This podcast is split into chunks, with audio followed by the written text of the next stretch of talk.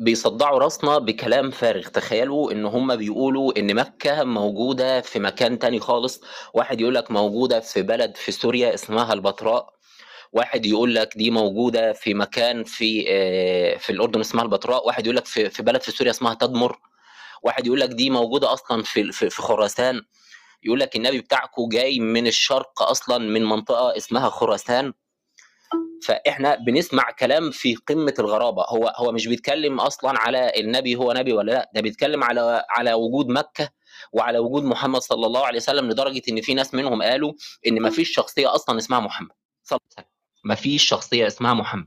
وإن محمد تاريخيا ده شخصية مخترعة وإن الإسلام ده واحد اسمه عبد الملك بن مروان. عبد الملك بن مروان ده يا جماعة كان حاكم في سبعينات القرن في الثمانينات بتاعة القرن الأول الهجري. تمام؟ فإحنا بنسمع كلام في قمة الغرابة يعني. آه، الكلام ده ينفع يتقال مع مجتمعات كانت بتتعرض للاضطهاد زي المسيحيين واليهود. يعني المسيحية تاريخها مقسم لاضطهادات أنا لما بتكلم في المسيحية بقول لك فترة اضطهاد نيرون فترة اضطهاد دقلديانوس فترة اضطهاد معرفش مين بقسمها لاضطهادات لحد القرن الرابع. بسبب هذه الاضطهادات كان المسيحيين بيهربوا وبيستخبوا في الكهوف فما تعرفش مين كان معاه أي نص مين كان معاه أي معلومة. لدرجة إن المسيحية ما يعرفوش اسم واحد من تلامذة لوقا كاتب الإنجيل الرابع مثلا. مش مت... مش م... ما يعرفوش اسم واحد من تلامذة مرقس كاتب الإنجيل الثاني. مش متأكدين من اسم واحد من تلامذة يوحنا كاتب الإنجيل ال... ال... الرابع.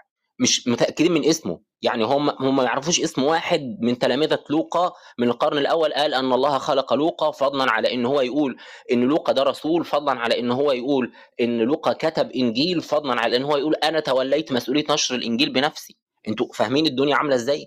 ال- البيئة الإسلامية أنا الآن هبتدي أتكلم على موضوع الإسلام التاريخي دقائق من الناحية العقلية وبعد كده من ناحية المعلومات. من الناحيه العقلية إحنا عندنا مجتمعات مستقرة ثابتة موجودة في مكانها بينقل العلم في المساجد في النور. يعني إحنا عندنا مثلا الكوفة. عنده ابن ابن مسعود رضي الله عنه كان عايش في الكوفة وناس كتيرة اتعلمت منه إحنا عارفين منه ناس كتير جدا. من أشهرهم مثلا عبيدة بن عبيدة السلماني مسروق بن الأجدع فكروني يا إخوة مسروق وعبيدة وعلقمة. والحارث بن يزيد وفي كتير في كتير من تلامذه ابن عباس مشهورين موجودين واخذ عنهم العلم ناس مشهورة برضو زي إبراهيم النخعي وحماد بن سلمة على ما أذكر. وأخذ عن حماد بن سلمة ناس برضو مشهورين زي سفيان الثوري وأخذ عن سفيان الثوري ناس مشهورين زي يحيى بن المديني وأخذ عن يحيى بن المديني ناس مشهورين آسف علي بن المديني وأخذ عن علي بن المديني ناس مشهورين زي البخاري.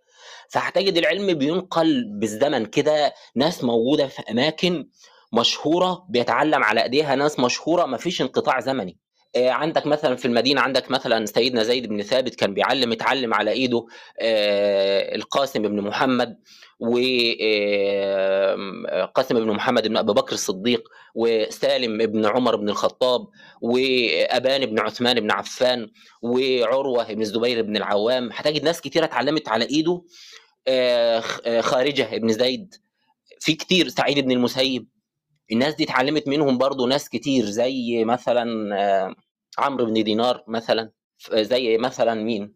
آه، الزهري زي الزهري اللي هو أول واحد كتب رسميا الكتب الحديث مكتوبة بشكل رسمي من الدولة كان في زمن الصحابة الزهري آه، الشهاب الزهري محمد بن شهاب الزهري أخذ العلم من هؤلاء. فهتجد عندك بلاد ثابتة مستقرة بتعلم فيها الناس وبتعلم ناس تانية في النور. فما فيش انقطاع زمني عشان نقول إن معلومات مهمة زي دي ممكن تضيع. آه، عندك ابن عباس مثلا في مكة كان بيتعلم منه ناس كتيرة. آه، زي مين يا جماعة؟ زي مجاهد بن جبر وسعيد بن جبير وسعيد ومجاهد وقتادة وناس تلاميذ ابن عباس كتير. أنا بس مش مستحضر أنا بقول من الذاكرة. وخد منهم عمرو بن دينار وغيره. والضحاك خد عنه وغيرهم. فهتجد في كل بلد في ناس علماء كبار من الصحابة تتلمذ على أيديهم تلاميذ تلامذة لهم والبلاد مستقره وبناء عليه الذاكرة المجتمعية راحت فين؟ أنا دايما بقول يا جماعة لو أنت بحثت على اسم مدينة موجودة النهارده بحثت عنها في 300 سنة فاتوا لازم هتلاقيها في نفس المكان بنفس الاسم. ولو حصل تغير في الاسم الناس هتبقى عارفة. يعني مثلا مدينة المنصورة يا جماعة ابحث عنها في كتب التاريخ قبل 300 سنة. لا يمكن تلاقي المنصورة موجودة في الأرجنتين لا يمكن. ولا يمكن يكون اسمها مثلا شوشة ونونو هي كان لازم هتلاقي اسمها المنصورة وهتلاقيها موجودة في مصر برضه طيب مدينة أكثر شهرة من المنصورة زي الإسكندرية. لو أنت بحثت عنها قبل 300 سنة لا يمكن أو لو انت أنت موجود قبل 300 سنة أصلا.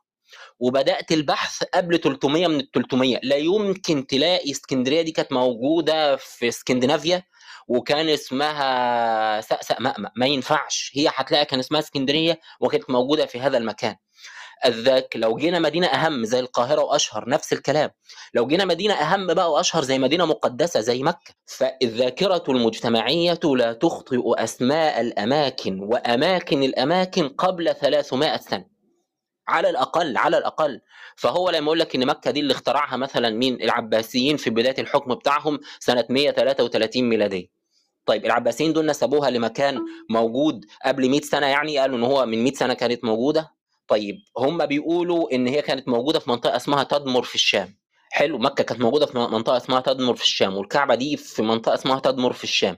أقنعوا بقى الناس إزاي إن هي موجودة في الحجاز؟ وده قبل 100 سنة بس والذاكرة المجتمعية لا تخطئ الأماكن قبل 100 سنة وقبل 200 وقبل 300 تخيلوا أنتم معانا رئيس الجمهورية النهارده في مصر قال لنا يا جماعة مكة مش مكانها في السعودية.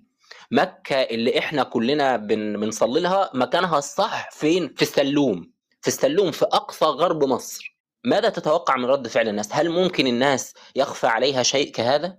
لا يمكن. أهو ده اللي عاوز يقنعنا إن أبو أبو جعفر المنصور أو السفاح في بداية الدولة العباسية لما أنشأوا الدولة العباسية قالوا لهم مكة مك مش موجودة في تدمر ده هي ما اسمهاش تدمر ولا موجودة في سوريا ده هي اسمها مكة وموجودة في الأرجنتين.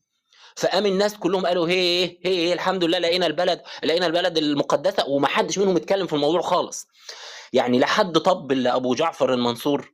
لحد قال له برافو عليك يعني أنت ال أنت أنت ال ولا حد ولا حد شبهك أنت الجامد زحليقة ما حدش طبل له ما فيش أحمد موسى بتاع أبو جعفر خالص ولا في حد عرضه ولا في حد ناقشه والكل ساكت ساكتين. تخيلوا حاجة خطيرة كارثية نقل دولة بلد كاملة مقدسة مش عاصمة.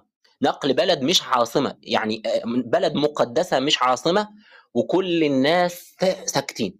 فمن الناحية العقلية دي سخافة دي حماقة. أنا اللي بيصبرني على هذا الكلام جملة كان قالها شيخ الإسلام ابن تيمية وكنت دايما بستغرب هو ليه بياخد المواضيع جد. قال لك إن لكل ساقطة لاقطة ما فيش فكرة إلا ولها من يتبناها فيجب إنك تصبر عليها. لولا هذا ما صبرنا على الكلام اللي أنت هتسمعه كمان شوية. هنبتدي بقى يا جماعة. التاريخ الإسلامي ما ينفعش حد يشكك فيه. التاريخ الإسلامي منقول طبعا عند المسلمين بأعلى درجات النقل والتوثيق. وإحنا اتكلمنا في الموضوع ده آه روبرت هويلاند آه. حيا الله أخونا البخاري حياك الله يا أخي الكريم. آه، تمام اتكلمنا عن آه، آه، إزاي إن المصادر الإسلامية مصادر موثوق فيها. التاريخ الإسلامي بقى منقول في مصادر تانية. المصادر التانية دي مصادر باللغة السوريانية ومصادر باللغة القبطية ومصادر باللغة الأرمينية ومصادر باللغة اللاتينية. دول أربع مصادر يا جماعة. أهمهم على الإطلاق المصادر السوريانية. ليه؟ لأن المسلمين لما فتحوا البلاد اللي هم فتحوها كان اللي عايش فيها وماسك الورقة والقلم ناس كانوا بيكتبوا باللغة السوريانية. الفرس خلاص اتمسح الفرس خالص من على الوجود واعتنقوا الإسلام. فأصبحوا مسلمين. السوريان هم اللي بقوا خارج الدين الإسلامي وهم اللي لسه معاهم الورقة والمحبرة. السوريان كانوا بيعرفوا يكتبوا. العرب المسلمين التاريخ الإسلامي يا جماعة غير أي تاريخ تاني مختلف. التاريخ الإسلامي هم بينظروا له كده إن هو معروف إن التاريخ دايما بيكتبه المنتصر. في حالة الإسلام لم يتفرد المنتصر فقط بكتابة التاريخ. بل الذين بدأوا بكتابة التاريخ هم المنهزمون لأن هم اللي كانوا بيعرفوا يقروا ويكتبوا. إحنا عندنا ناس كتيرة كتبت لكن مش بس. إحنا كمسلمين اللي كتبنا لأ كان في سوريان كمان بيكتبوا الشعوب المسلمين دخلوها كتبوا. عندنا 12 وثيقة ستة من القرن الأول وستة من النصف الأول من القرن الثاني باللغة السوريانية.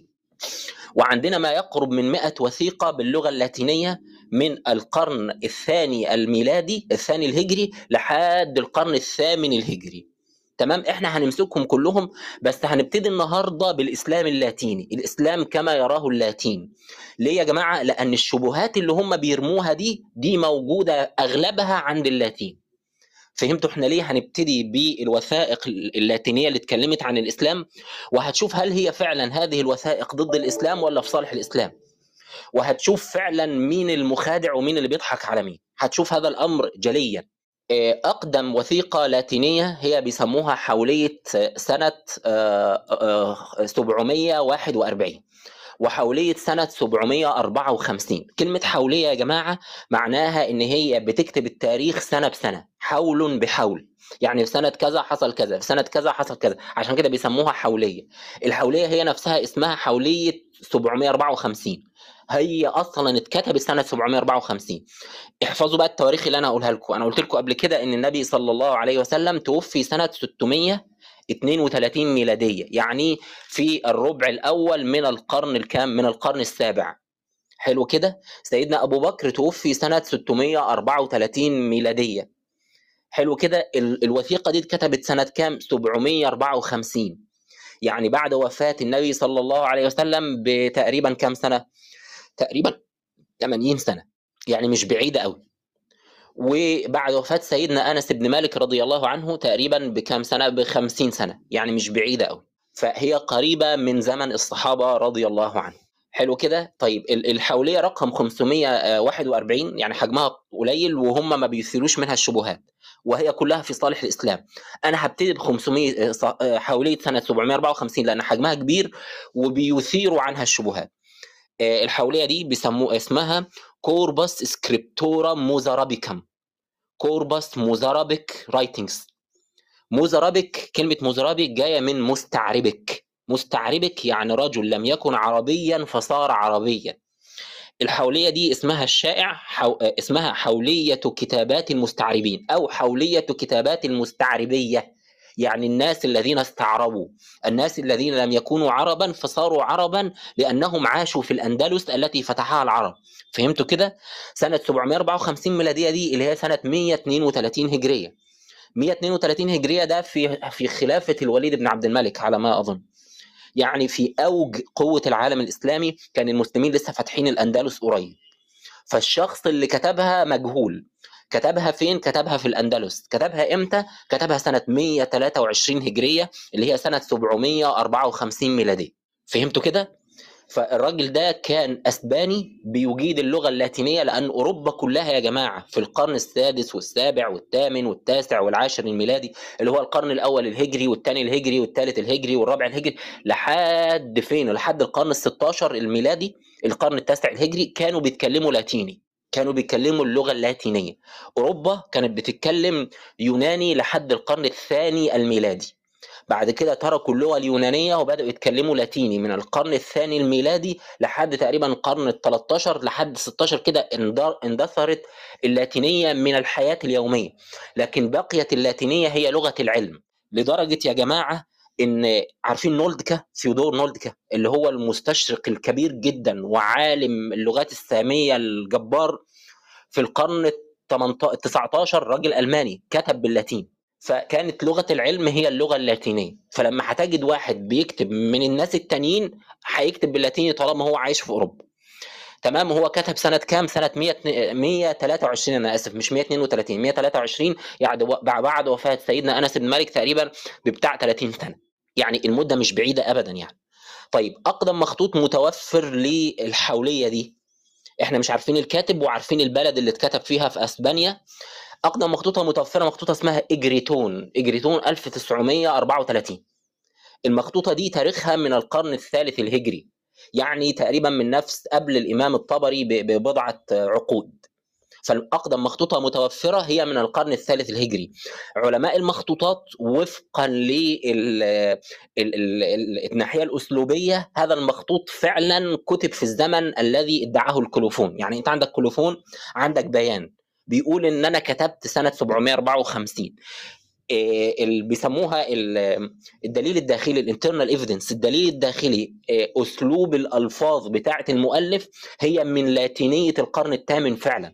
فهناك استقرار في الوجدان العلمي اللي شاف هذه الحوليه إن تاريخ المخطوطة موافق لتاريخ ال colophon. ال colophon يا جماعة يعني البيان أو التعليق اللي هو بيذكر فيه مين اللي كتب كتب إمتى كتب سنة كام وده نادرا ما كان يكتب يا جماعة.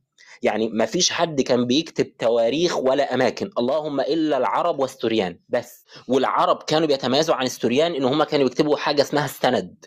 يعني الكتاب كان بينقل بالسند. عارفين يا جماعة؟ آه اللهم صل على النبي. إحنا عندنا آه وثيقة وهب بن منبه دي اللي خد منها البخاري دي.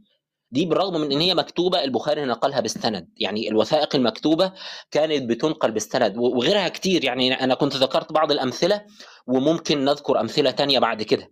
إزاي إن الوثائق إن كلمة حدثنا دي بتبقى نقل نص مكتوب بصيغة التحديث عشان يضمن إن فلان واخد عن فلان.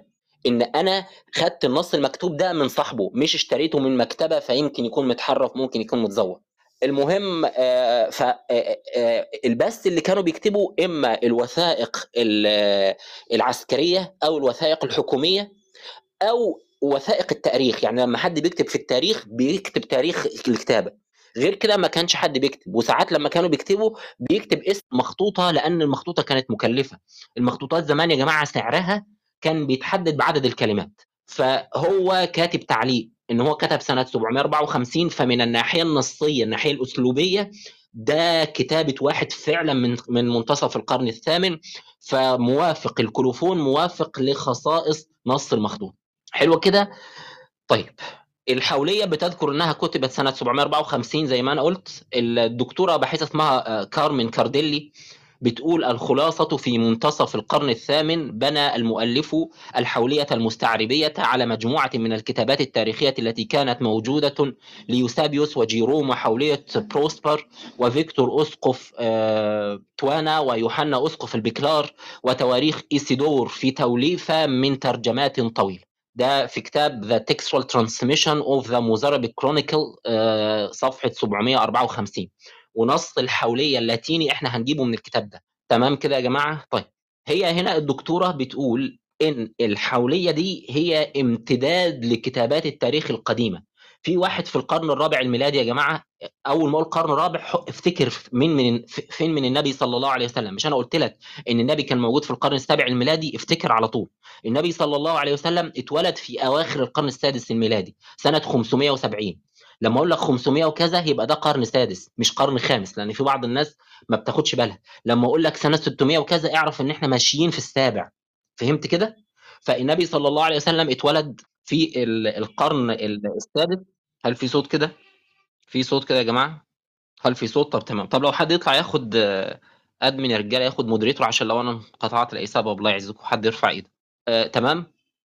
حيا الله أختنا الكريمة الدكتورة هاني. خدي بقى moderator الله يعزك. عشان لو أنا انقطعت. طيب بتقول إن المؤلف هو المهم يوسابيوس القيصري ده كان في القرن الرابع ويوسابيوس ده بيعتبروه أبو التأريخ الكنسي. هو اللي كتب كتاب تاريخ الكنيسة المشهور بتاعه وأنا كنت عملت دراسة كده على منهج التأريخ بين ابن جرير الطبري ويوسابيوس القيصري. لو هتكتبوه على جوجل هتلاقوه. إزاي فرق السماء من الأرض؟ الراجل أقصى مصدره يقول لك يقولون يقولون وعلماء المسيحية نفسهم هاجموا كتير من القصص بتاعة يوسابيوس القيصري. المهم ده مش موضوعنا الآن. فيوسابيوس القيصري وجيروم من القرن الخامس يوسابيوس من القرن الرابع وجيروم من القرن الخامس كان عملوا حاجة اسمها حولية العالم. قرروا ان كل واحد فيهم يكتب التاريخ اللي كان موجود في زمنه والتاني يكمل والتالت يكمل والرابع يكمل لحد يوحنا أسقف البكلار و... وإيسيدور.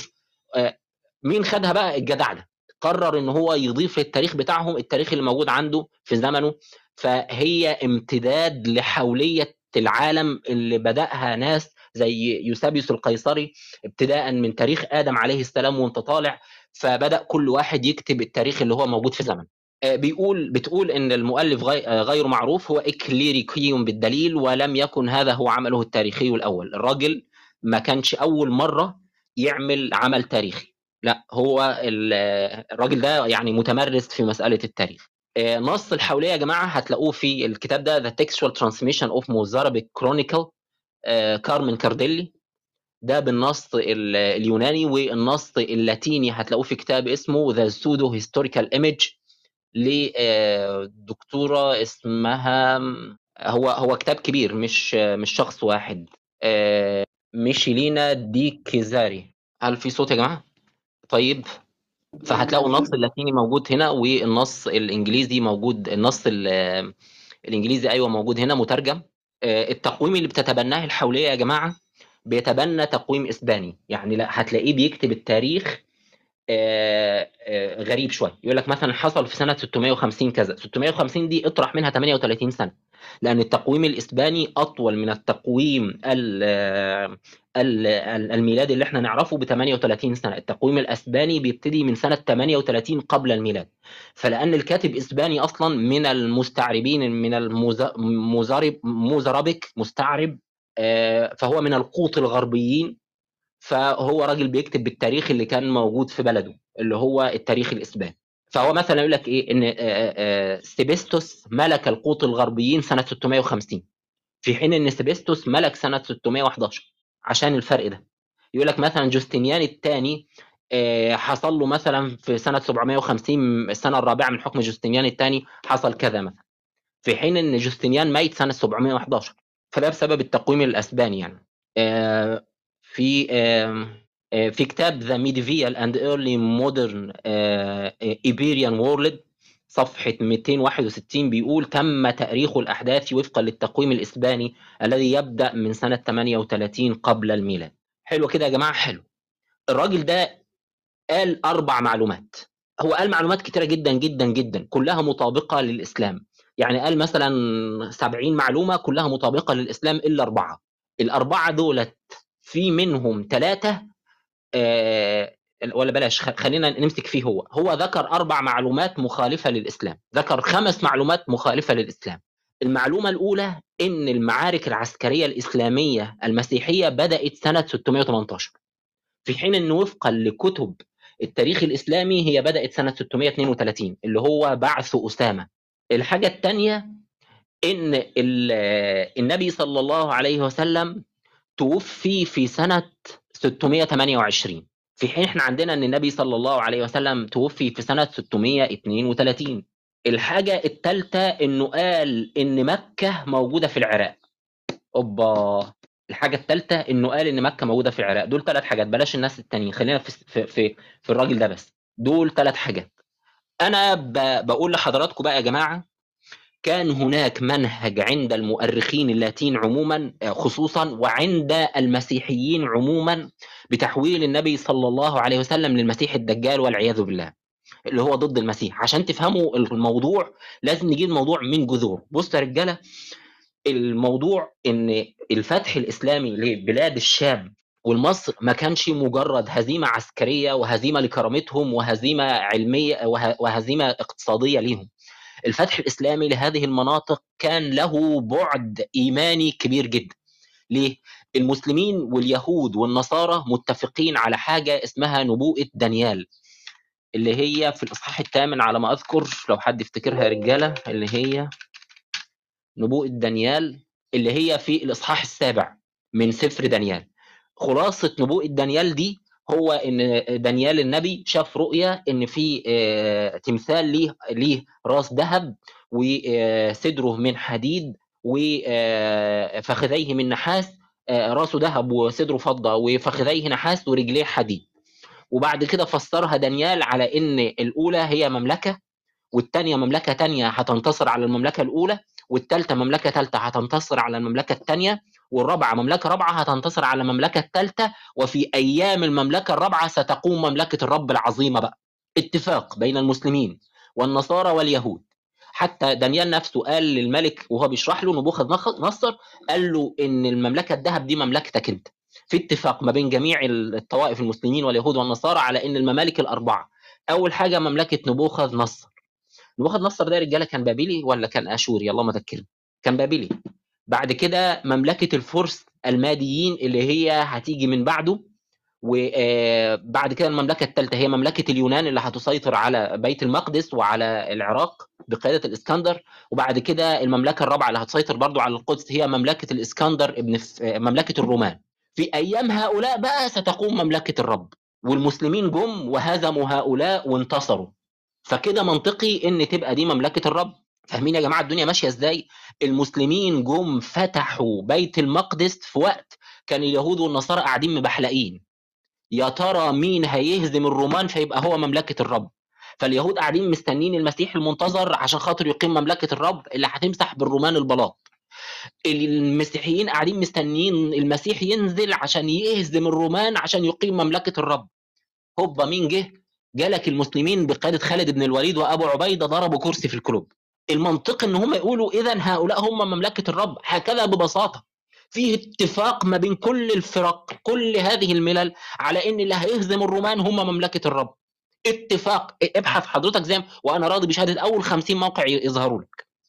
فكان البدهي إنه يقول اذا هؤلاء هم مملكة الرب وأشهد أن لا إله إلا الله وأن محمد رسول الله.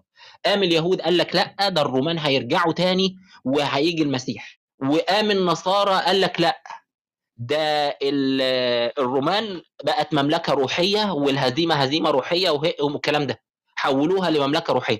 قارن انت ما بين نظرة المسيحيين ما بعد خالد بن الوليد وما قبل خالد بن الوليد للمملكة اللي هتهزم الرومان. تمت الروحنه بعد انتصار المسلمين. هتجد إن تبنوا راي إن هو هزيمة روحية فقط بعد انتصار المسلمين. طب ما التانيين انتصروا انتصار عسكري اشمعنى دي يعني اللي هيبقى روحي المهم يعني؟ فده القصة. فكان وجود المسلمين وجود خطير. كان يجب أن يجدوا تفسيرا دينيا لوجود المسلمين. المسلمين دولت بيمثلوا إيه على خريطة النبوءات؟ اشرحوا لنا بسرعة بدل ما بدل ما بدل ما نسلم. إحنا كلنا قاعدين منتظرين اللي هيهزم الرومان هو مملكة الرب. حتى يجيء قديم الأيام مش فاكر ويعطي الدين للقديس العلي ويبلغ الوقت الذي يمتلك القديسون المملكة ويهب الملك السلطان والعظمة لكل شعب قديس العلي ويخدمهم جميع السلاطين ويسمعون لهم. قديس العلي هي المملكة اللي هتهزم الرومان مملكة قديس العلي والكل هيخضع ليهم ويقيمون ملكا ابديا كلام كلام ملك حقيقي. فكان لازم يجدوا آه، تفسير ديني فين موجود المسلمين على خريطة آه، على خريطة النبوءات. حلو كده؟ آه، طيب. فكان التفسير الوحيد المطلوب اللي هم أوجدوه هو مسألة إن المسلمين هم المسيح الدجال. معلش ثواني تاخد المايك يا أختي دقيقة واحدة. فكان لازم يوجد تفسير منطقي الكتاب اللي ذكره الدكتور PDF طيب السلام عليكم. جزاكم الله خير. عليكم السلام. فكان لازم يوجد تفسير منطقي لهذه لهذه لهذه الحركة العسكرية. فكلهم فسروا الإسلام على إن هو بيمثل ضد المسيح إن هو المسيح الدجال. هيأتي المسيح الدجال وهيهيمن وهيسيطر والنبي بتاعهم هيأتي بمعجزات. عشان كده يا جماعة كتير منهم مش بينفي إن النبي صلى الله عليه وسلم جاء بعجائب. هم بيقولوا إنه جاء بمعجزات. ليه؟ لأن الدجال سيأتي بآيات هتسمع بها المسكونة. عشان يكون هو المسيح الدجال هو ضد المسيح اللي هم بيفهموه من سفر من نبوءة دانيال وسفر الرؤيا. آه، هنتكلم على سريعا على سفر الرؤيا عشان نبتدي نخش في الجدع ده وكل اللي بعديه. هتشوفوا اللاتين كلهم متأثرين بهذا الأمر. يا جماعة أنتوا هتشوفوا عجب. إزاي ان في رغبة ملحة لتحويل النبي صلى الله عليه وسلم إلى المسيح الدجال وحاشاه. ودايما الجماعة اللاتين مجرمين يعني الله المستعان. آه، سفر الرؤيا يا جماعة بيقول لنا ابتداء من الإصحاح الخامس كده وأنت طالع موضوع يعني خلاصته إن قبل ما مملكة الرب تيجي اللي هو بقى المسيح عليه السلام ما ينزل هتحصل معاناة كبيرة جدا للمؤمنين وللناس عموما على وجه الأرض والمعاناة 1 2 3 4 5 6 7 8 9 10 11 12 13 14 14 معاناة. أول سبع معانات سموهم الأختام السبعة. وتاني سبع معاناة سموهم الأبواق السبعة. إيه الأختام السبعة؟ قال لك إن آه، يوحنا شاف حلم في المنام إن فيه كتاب موجود على كرسي العرش على يمين ربنا. فيه سبع ورقات السبع ورقات دول فيهم سبع معلومات عن سبع كوارث هيحصلوا للبشر. فهو نفسه يعرف إيه المشاكل اللي هتحصل للبشر. بس كل ورقة لازم لها password اللي هو ختم يعني. مين معاه ال password مين هيقدر يفتح الختم؟ مين مين مين؟ فجالك الكبش المذبوح اللي هو المسيح عليه السلام. ففتح الأختام وقعد يحكي هذه الاختام فهي ليه أختام؟ عشان خاطر ما كانش هيعرف يقراها غير واحد معاه ال password يفتح الختم يعني. فذكر سبع سبع أنواع من المعاناة. في المعاناة السادسة وقفوا المعاناة خالص عملوا pausing للمعاناة وقال لك استنى أما إيه نعلم المؤمنين عشان ما يتاخدوش في الرجلين. هات المؤمنين كده هنعلمهم على وجوههم بعلامة حلوة كده عشان ما حدش يعاقبهم وما يتاخدوش في العقوبات. يلا بقى كمل المعاناة. فالسبعه الأولانيين بينفصلوا عن سبعة التانيين بعملية الإيه؟ اللي هو هن- هنختم المؤمنين وبعد كده كمل المعاناة زي ما أنت عاوز. اللي المرحلة الثانية المرحلة الأولى كانت من الإصحاح الخامس للسابع المرحلة الثانية من الإصحاح الثامن وأنت طالع. حلو كده؟ فأنت عندك سبع أختام. الختم السابع بقى قال لك لما اتفتح الختم السابع بدأت المرحلة الثانية من المعاناة. الختم السابع ده لما اتفتح يعني الورقة رقم سبعة كلمة ختم سابع يعني ورقة رقم سبعة. لما شافوا الورقة رقم سبعة قال لك إن في سبع ملائكه كل ملاك هينفخ في البوق مرة تحصل مصيبة. فحصل سبع ابواق في البوق السابع هم بيفسروا بقى إن هيجي وحش عظيم له سبعة رؤوس وعشرة قرون. افتكروا الأرقام سبعة وعشرة افتكروا الرقمين دول. ومكتوب عليه اسم تجديف. تجديف يعني تدجيل دجل اللي هو الدجال يعني. وهذا الوحش آه، رمزه 666 اللي هو ضد المسيح. هنا أنتوا هتلاحظوا العلاقة ما بين الرقم سبعة والرقم عشرة والدجال. رؤيا خمسة واحد ورأيت على على يمين الجالس على العرش سفرا مكتوبا من داخل من ومن وراء مختوما بسبعة ختوم. تدرس يعقوب ملطي بيقول البوقان الخامس والسادس التهيئة لضد المسيح وظهوره.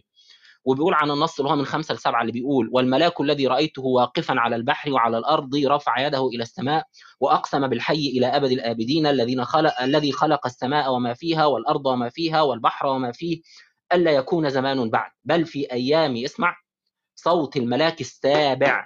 افتكر رقم سبعة كويس. في أيام صوت الملاك السابع متى أزمع أن يبوق؟ يتم أيضا سر الله كما بشر عبيده الأنبياء. في صوت الملاك السابع بقى هتحصل الأسرار. هم بيفسروها بضد المسيح ونزول المسيح. بيقول بقى تدرس يعقوب تعليقا بيقول رفع يده إلى السماء ورفع اليد هو تأكيد للمؤمنين على خطورة ما يعلنه. موجها أنظارهم إلى السماء مصدر التعزية. وماذا أعلن؟ إنه يعلن بقسم ألا يكون زمان بعد أي قد انتهى وقت الضيقة العظمى ووقت ضد المسيح. فهمتوا السابع ده كان وقت مين؟ ضد المسيح. هيجي بقى المسيح يمسح ضد المسيح ده خالص هذا القسم يكشف لنا مدى المرارة التي يعانيها المؤمنون وكما يقول الرب ولو لم تقصر تلك الأيام لما يخل... لم يخلص جسد ولكن لأجل المختارين تقصر تلك الأيام. إنه يوجه الأنظار إلى البوق السابع الذي يعلن سر, سر الله الذي بشر به عبيده الأنبياء وما هذا السر إلا انقضاء الدهر ومجيء الرب للدينون رؤيا 11 15 بيقول ثم بوق الملاك السابع فحدثت أصوات عظيمة كذا كذا كذا قد صارت ممالك العالم.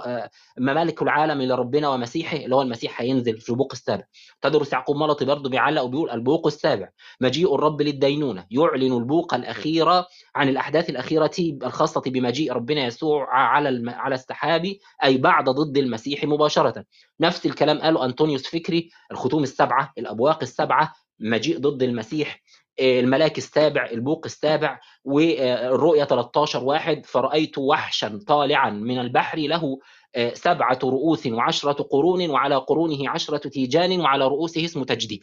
تجديف يعني تدجيل دجل المسيح الدجال. فهمتوا هنا إيه العلاقة ما بين الرقم سبعة والرقم عشرة والمسيح الدجال؟ هو هيأتي في الحقبة السابعة وله عشرة قرون.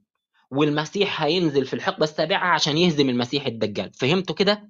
فهمتوا خلفية الكاتب؟ عشان خاطر لما نيجي نفسر أنا الآن بقى يا جماعة بفترض فرضية. هذا الرجل في الادعاءات اللي هو عملها كان هدفه تحويل النبي صلى الله عليه وسلم إلى المسيح الدجال وحاشاه. أنا بفترض فرضية وامشي معايا. ممكن أكون صح وممكن أكون غلط.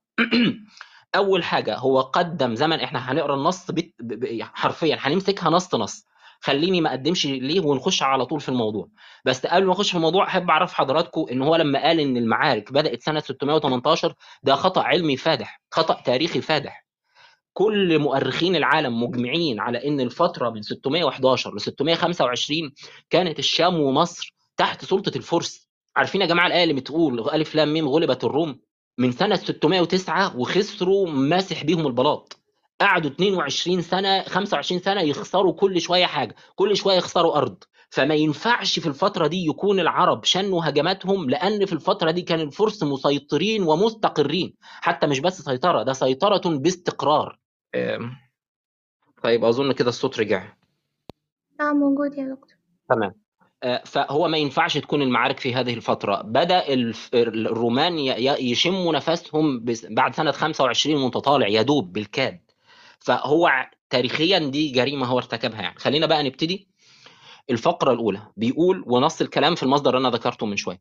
الفقرة الأولى هو هو بيقول في سنة 665 656 656 اطرح بقى 38 زي ما قلت لك اللي هي سنة 618 سنة 618 دي يا جماعة يعني قبل الهجرة النبوية بثلاث سنين يعني في السنة الكام؟ التاسعة للهجرة تقريبا أو آه، التاسعة للهجرة أو الثامنة للهجرة. فهو بي- بيعتبر إن ال- ال- الحملات العسكرية حصلت حتى قبل الهجرة. المسلمين بدأوا يشنوا الهجمات بتاعتهم قبل ما يروحوا المدينة أصلا. شوف يا سيدي في آه، 656 أنا طبعا هذكر التواريخ الميلادية بقى أسرع عشان خاطر حضراتكم دماغكم ما إيه ما يتوهش معايا. في سنة 618 ميلادية اللي هي سنة 8 هجرية بيقول في السنة السابعة لحكم هرقل ادعى السراسنة لأنفسهم حق ملك سوريا والعربية. السراسنة ده يا جماعة الاسم اللي كلهم بيطلقوه على العرب. يعني انت النهارده بتطلق على على على مثلا الشعب اللي عندنا في مصر أقباط مثلا. انت متعود على هذا. هم متعودين يطلقوا اسم ساراسنز السراسنة على العرب. والناس اختلفوا في لماذا كانت تسمى السراسنة لكن هو ده في النهاية ده اللي كان بيحصل. كانوا بيسموا السرا... العرب السراسنة أي مصدر أوروبي هتلاقيه بيسميهم السراسنه في السنة السابعة في سنة 618 ميلادية في السنة السابعة لحكم هرقل ادعى السراسنة لأنفسهم حق ملك سوريا والعربية والأرض والعربية وما بين النهرين. سوريا معروفة العربية اللي هي الأردن يا جماعة. كان اليونان مقسمين الجزيرة العربية لأقسام. القسم الأول بيسموه العربية الصخرية اللي هي البتراء والحتت دي والقسم الأوسط العربية الصحراوية اللي هي كان فيها النبي صلى الله عليه وسلم والقسم الجنوبي بيسموه العربية السعيدة اللي هي الايه اليمن. تمام كده؟ فهنا بيقول العربية اللي هي العربية الصخرية اللي هي الأردن يعني. وما بين النهرين اللي هي العراق. فهو بيقول في سنة السابعة من حكم هرقل السراسنة بدأوا ينظروا ناحية العراق وناحية سوريا وناحية الأردن. بيقول وما بين النهرين في الخفاء لا بالقوة لأن زعيمهم محمد أثار التمرد وقد عاثوا فسادا في المقاطعات المجاورة لهم بالمثابرة على الحملات السرية لا الغارات العلنية. عارف أنت الكر والفر يعني. وبكل الوسائل بالحيلة والخداع والقوة ضايقوا مدن الإمبراطورية المجاورة وخلعوا النير فاتحين إياه من على رقابهم. هو هنا خلعوا النير فاتحين إياه من على رقابهم. هو كان العرب دول كانوا موجودين في الإمبراطورية الرومانية. هو الراجل بيمهد لهذا. هتشوفوا دلوقتي. آه، وفي سنة 618 هو بيكرر تاني بيقول وفي سنة 618 الس- السنة السابعة من الحكم الإمبراطوري لهرقل غزوا المملكة حيث شنوا غارات متكررة ومتنوعة بشجاعة. معلش نص دقيقة آخر مرة الله يعزك. نص دقيقة الله يحفظك. تمام يا دكتور مش مشكلة. طيب الله يحفظك. أنا معاك. أنا معاكم يا أخوة. فقال وفي آه، سنة 618 في السنة السابعة من حكم الحكم الإمبراطوري لهرقل آه، غزوا المملكة حيث شنوا غارات متكررة ومتنوعة بشجاعة. هنا يا جماعة أنا بقول الراجل ده حاول إلصاق تهمة المسيح الدجال بالنبي صلى الله عليه وسلم وحاشاه. آه، أول حاجة إن هو أكد على الرقم سبعة. ذكروا هنا مرتين بدون داعي. قال في المرة الأولى وفي سنة 618 في السنة السابعة من حكم هرقل ادعى السراسنة لأنفسهم كذا كذا. وفي سنة 618 في السنة السابعة من حكم هرقل غزوا الإمبراطورية. إيه لازمة إنك تكرر لفظة السنة السابعة؟ أنا بدعي ادعاء الآن بقول إن هو تعمد إن هو يقدم الفتوحات الإسلامية من 632 ل 618 ليه؟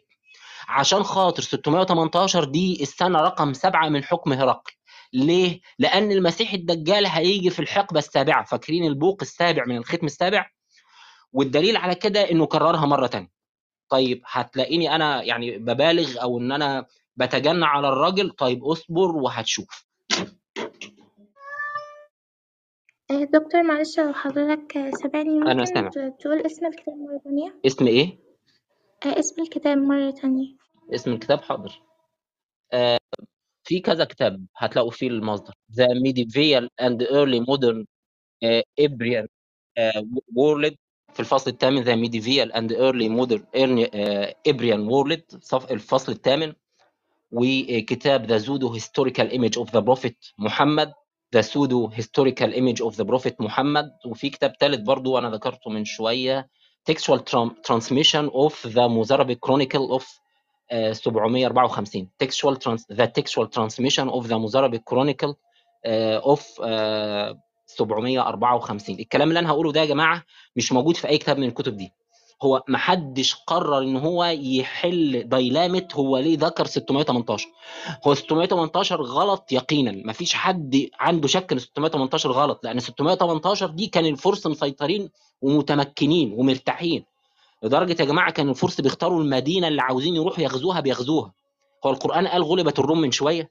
عارف انت؟ اتحط على الروم. لو عايز تشيلها تقول اتحط على الروم. اتحط اتحط فعلا. كانت أقصى المعارك على الجانبين كانت المعارك اللي قبل الإسلام مباشرة دي. آه، فتفسير أوجه الاختلاف ما بين تاريخ حوليه 400 754 أوجه الاختلاف. والتاريخ الإسلامي مش هتلاقيه في أي مصدر. فركز معايا الله يعزك. أنا دلوقتي افترضت فرضية. قلت إن الراجل ده قدم التاريخ من 632 بتاعنا إحنا ل 618 عشان ده السنة السابعة من حكم هرقل. عشان خاطر تبقى الحقبة السابعة توافق الحقبة السابعة للمسيح الدجال إن هو هيتحرك في الحقبة السابعة. وقدمت على كده عشان خاطر تبقى الحقبة السابعة توافق الحقبة السابعة للمسيح الدجال إن هو هيتحرك في الحقبة السابعة. وقدمت على كده آه تمام؟ والراجل هنا كرر الرقم سبعة. تمام؟ طب اصبر بقى معايا. أوجه التطابق في الفقرة. خلينا بقى نجيب أوجه التطابق. أول حاجة إنه قال إن تحركات النبي صلى الله عليه وسلم بدأت قبل منتصف القرن السابع. وده بيرد على الناس اللي بيقولوا إن الإسلام دين أنشأه العباسيون في القرن الثامن. أو إن ده دين أنشأه عبد الملك بن مروان في ثمانينات القرن السابع. أهو بيرد عليك أهو. وقال انه اسمه محمد. وده في رد على الناس اللي بتقول إن هو كان شخصية وهمية وإنه كان اسمه قسم والكلام الفارغ ده. وإن التحركات العسكرية تمت في زمن هرقل زي ما المسلمين كتبوا بالظبط. الفقرة الثانية يا جماعة بيقول بقى إيه؟ في سنة 650 650 يا جماعة دي اللي هي شيل 18 سنة آه، 38 سنة آه اللهم صل على النبي آه آه، شيل ست- آه، 38 سنة يبقى كام؟ يبقى 612 ميلادية. صار سيبستوس ملكا للقوط وحكم ثمان سنوات ملكا للقوط الإسبان لأن هو الراجل بيتكلم في أسبانيا. فالأسبان آه، آه، آه، بيأرخوا بالتاريخ الإسباني. فهو بيقول إن سيبستوس حكم اسبانيا في سنة 612 وحكم ثمان سنوات. وفي السنة السابعة بدأ السراسنة المارقون في السنة السابعة بدأ السراسنة المارقون المعادون للمقاطعات الرومانية بإثارة الاضطرابات والقلاقل لاحظوا؟ ركز على السنة رقم كام؟ رقم سبعة مش أنا قلت لك من شوية. هو قدم التاريخ عشان يبقى سنة 618 اللي هي سنة سبعة من تاريخ هرقل وكرر ذكر رقم سبعة بعدها بسطر واحد عشان يأكد إن هو المسيح الدجال إن النبي هو المسيح الدجال والعياذ بالله عشان هو جاء في الحقبة السابعة. هنا برضو تكلم عن تاريخ عن سيبستوس بدون أي داعي. قال لك في السنة السابعة من سيبستوس بدأ السراسنة المعادون للإمبراطورية بإثارة الاضطرابات. طب وإيه علاقة سيبستوس؟ ما أنت قلت هرقل خلاص لا لازم يبقى السابعة برضو. لسه مش مصدقني؟ طيب حط دي على جنب برضو وخليك معايا خليك مع الكذاب لحد باب البيت. تركيز على سبعة. أنتوا فاكرين سبعة اللي هو البوق السابع من الختم السابع والقرون العشرة. طيب أوجه التطابق في الفقرة أن القائد الروماني هو بيقول هنا بدأ السراسنة المارقون المعادون للإمبراطورية بإثارة الاضطرابات وواجههم ثيودوروس أخو الإمبراطور هرقليوس أغسطس في عدة معارك.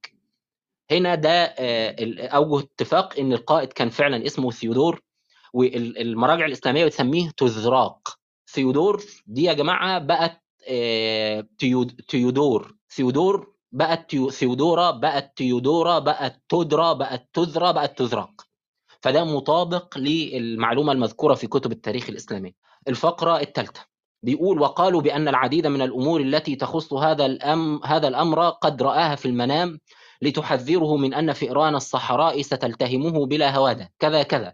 نصح هرقليوس أخاه ألا يصطدم قط مع القوم لأنه ليس جاهلا بالتنجيم ومن ثم فليس بجاهل بما تؤول إليه الأخطاء. بيقول هنا إن هرقل آه، الناس قالت له إن في حاجات هتحصل لك. هو كان شاف رؤية إن فئران الصحراء ستأكله بلا هوادة بلا رحمة. ففسروها له وحذروه. التحركات دي لها علاقة بالرؤية اللي أنت شايفها.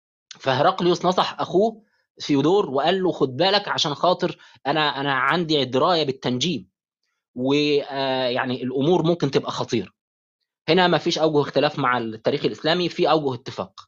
هو إن المسلمين أطلقوا على هرقل حذاء زي ما صحيح البخاري كان بيقول قال ابن النظور وكان هرقل حذاء ينظر في النجوم. فقال لهم حين سألوه إني رأيت الليلة حين نظرت في النجوم أن ملك الختان قد ظهر. إن الراجل ده كان بيشوف الأحداث في النجوم ان هو راجل منجم أو مقرب من المنجمين. فهنا برضو بيقول إن الراجل ده كان بينظر في النجوم وإن كان في علاقة ما بين التحركات ورؤية رآها آه، هرقل والتنجيم لأنه ليس جاهلا بالتنجيم ومن ثم فليس بجاهل بما تؤول إليه الأخطار. رؤية وتنجيم.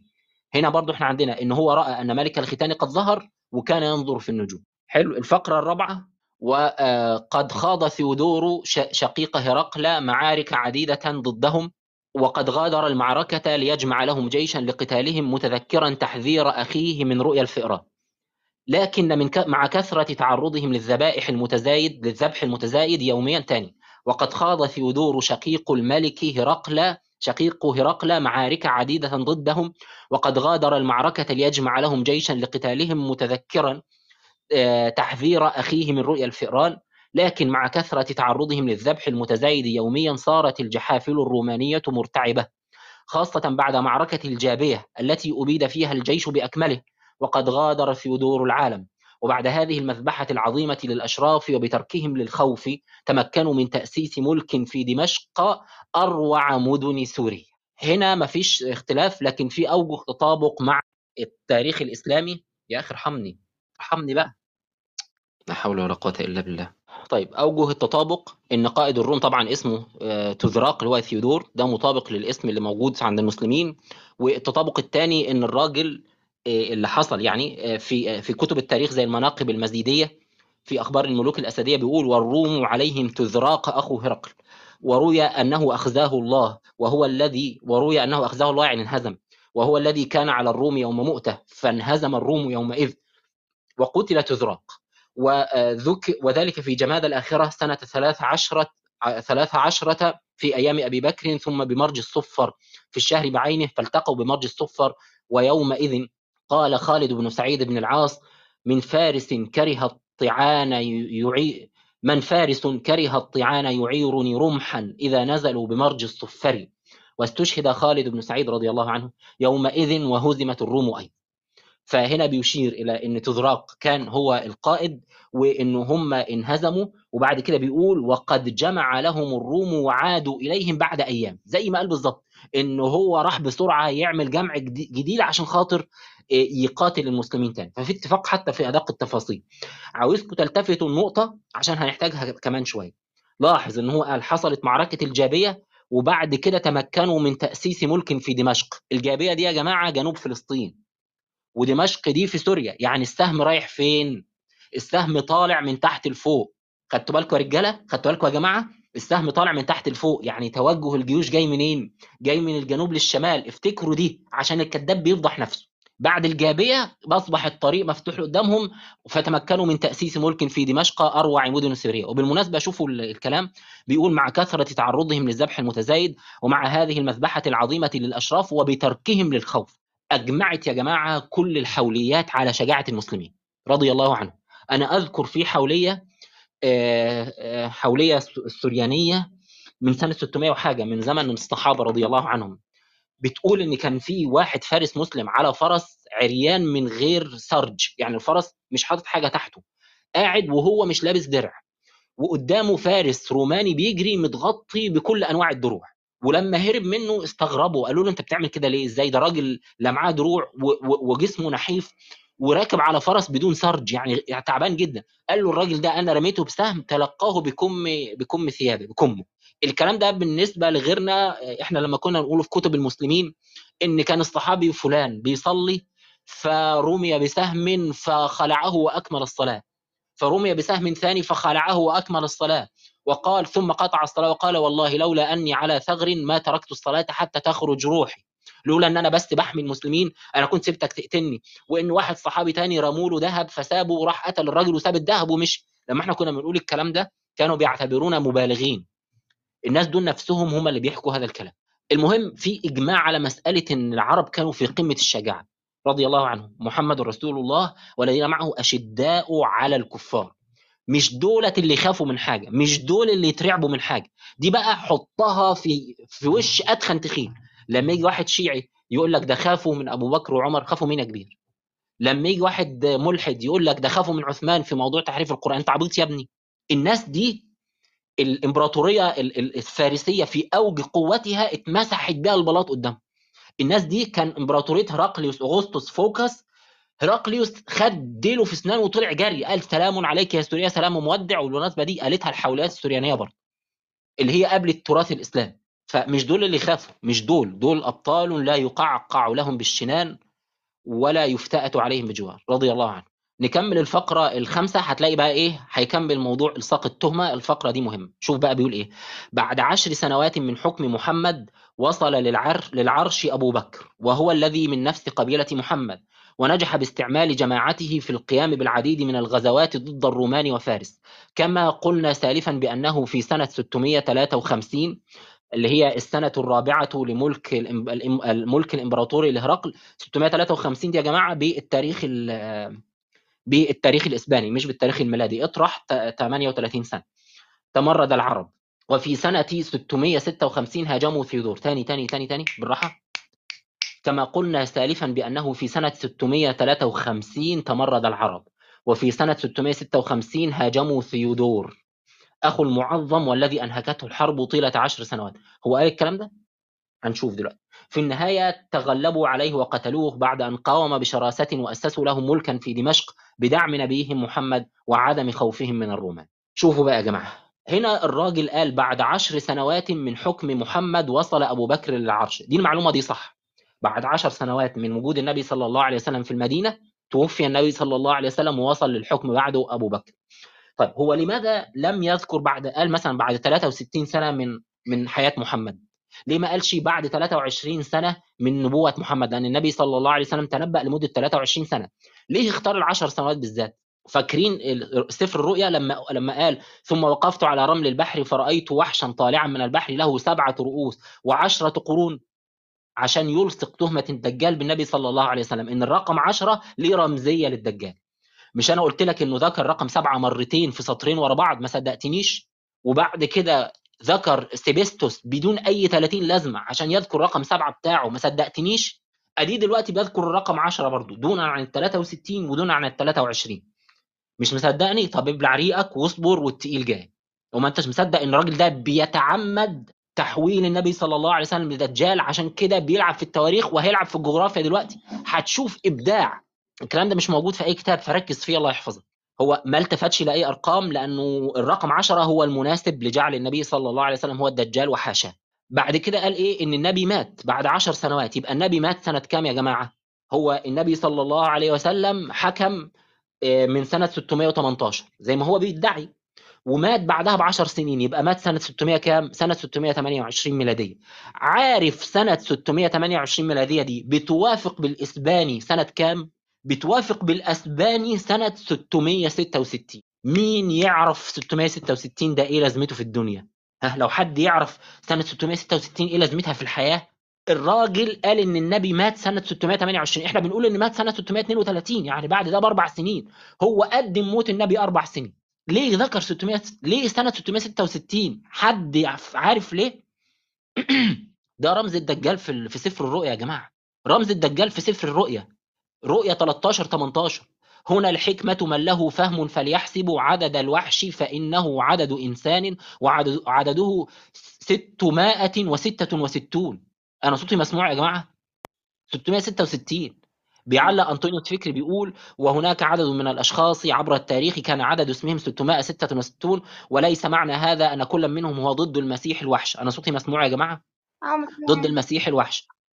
تمام. بل أنه حي... حينما ظهر يظهر هذا الشخص يكون لنا عدد اسمه 666 علامة مميزة نميزه بها. هنا الحكمة أي الدارس للكتاب المقدس سيعرف العلامات التي تميز هذا الوحش ولن يسير وراءه أو ينخدع به فإنه عدد إنسان. إذا الوحش سيكون إنسانا عاديا وليس قوة معنوية أو دولة أو قوة قوة اقتصادية بل هو إنسان وله اسم.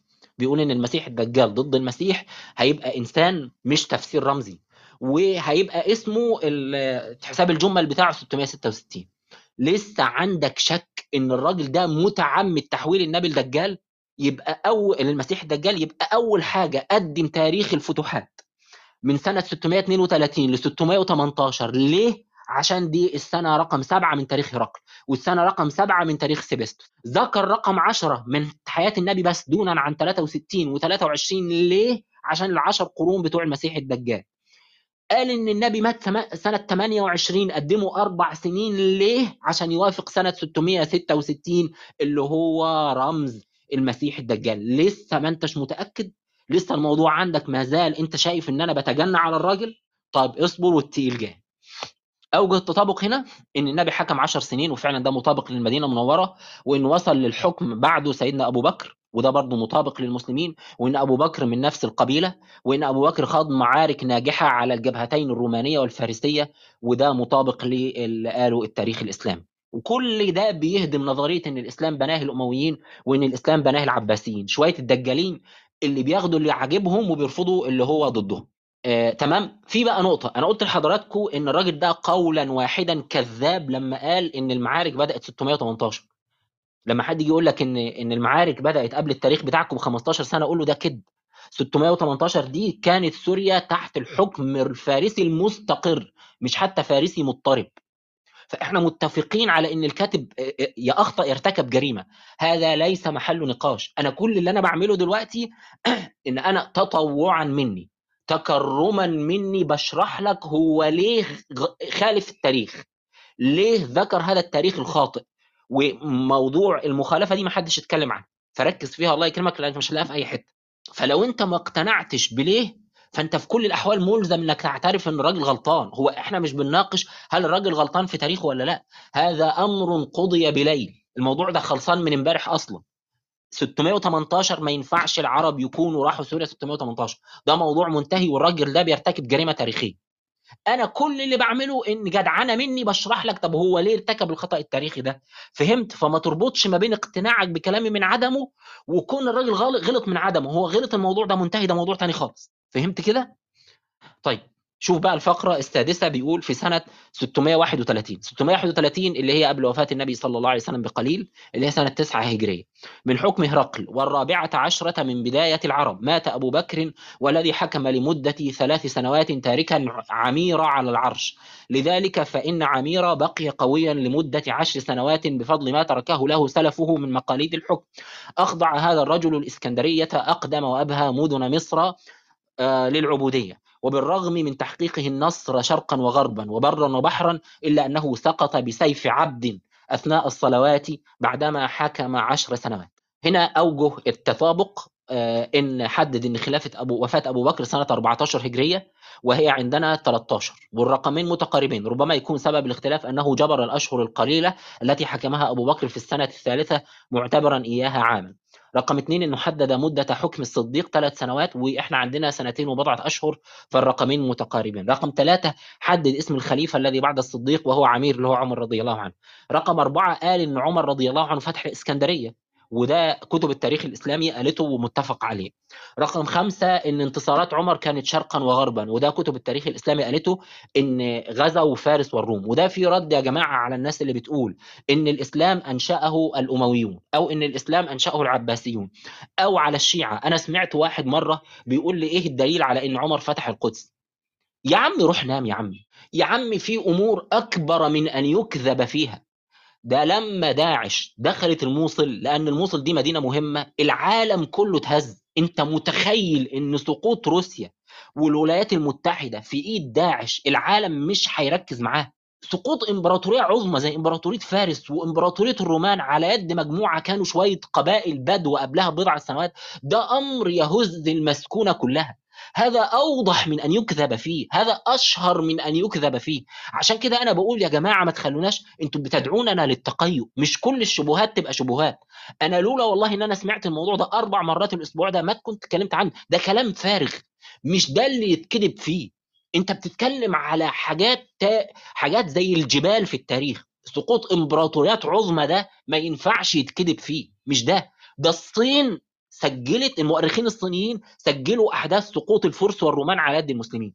هذا أمر كبير جدا. مش ده اللي يتكذب فيه. مثلا يقول لك إن إن سيدنا عمر النبي قال له مثلا عمر في الجنة تقول لي ده أنتوا كذابين فيها. إنما لما أقول لك سقوط الإمبراطورية دي حصلت سنة كذا مش دي المواضيع اللي يكذب فيها.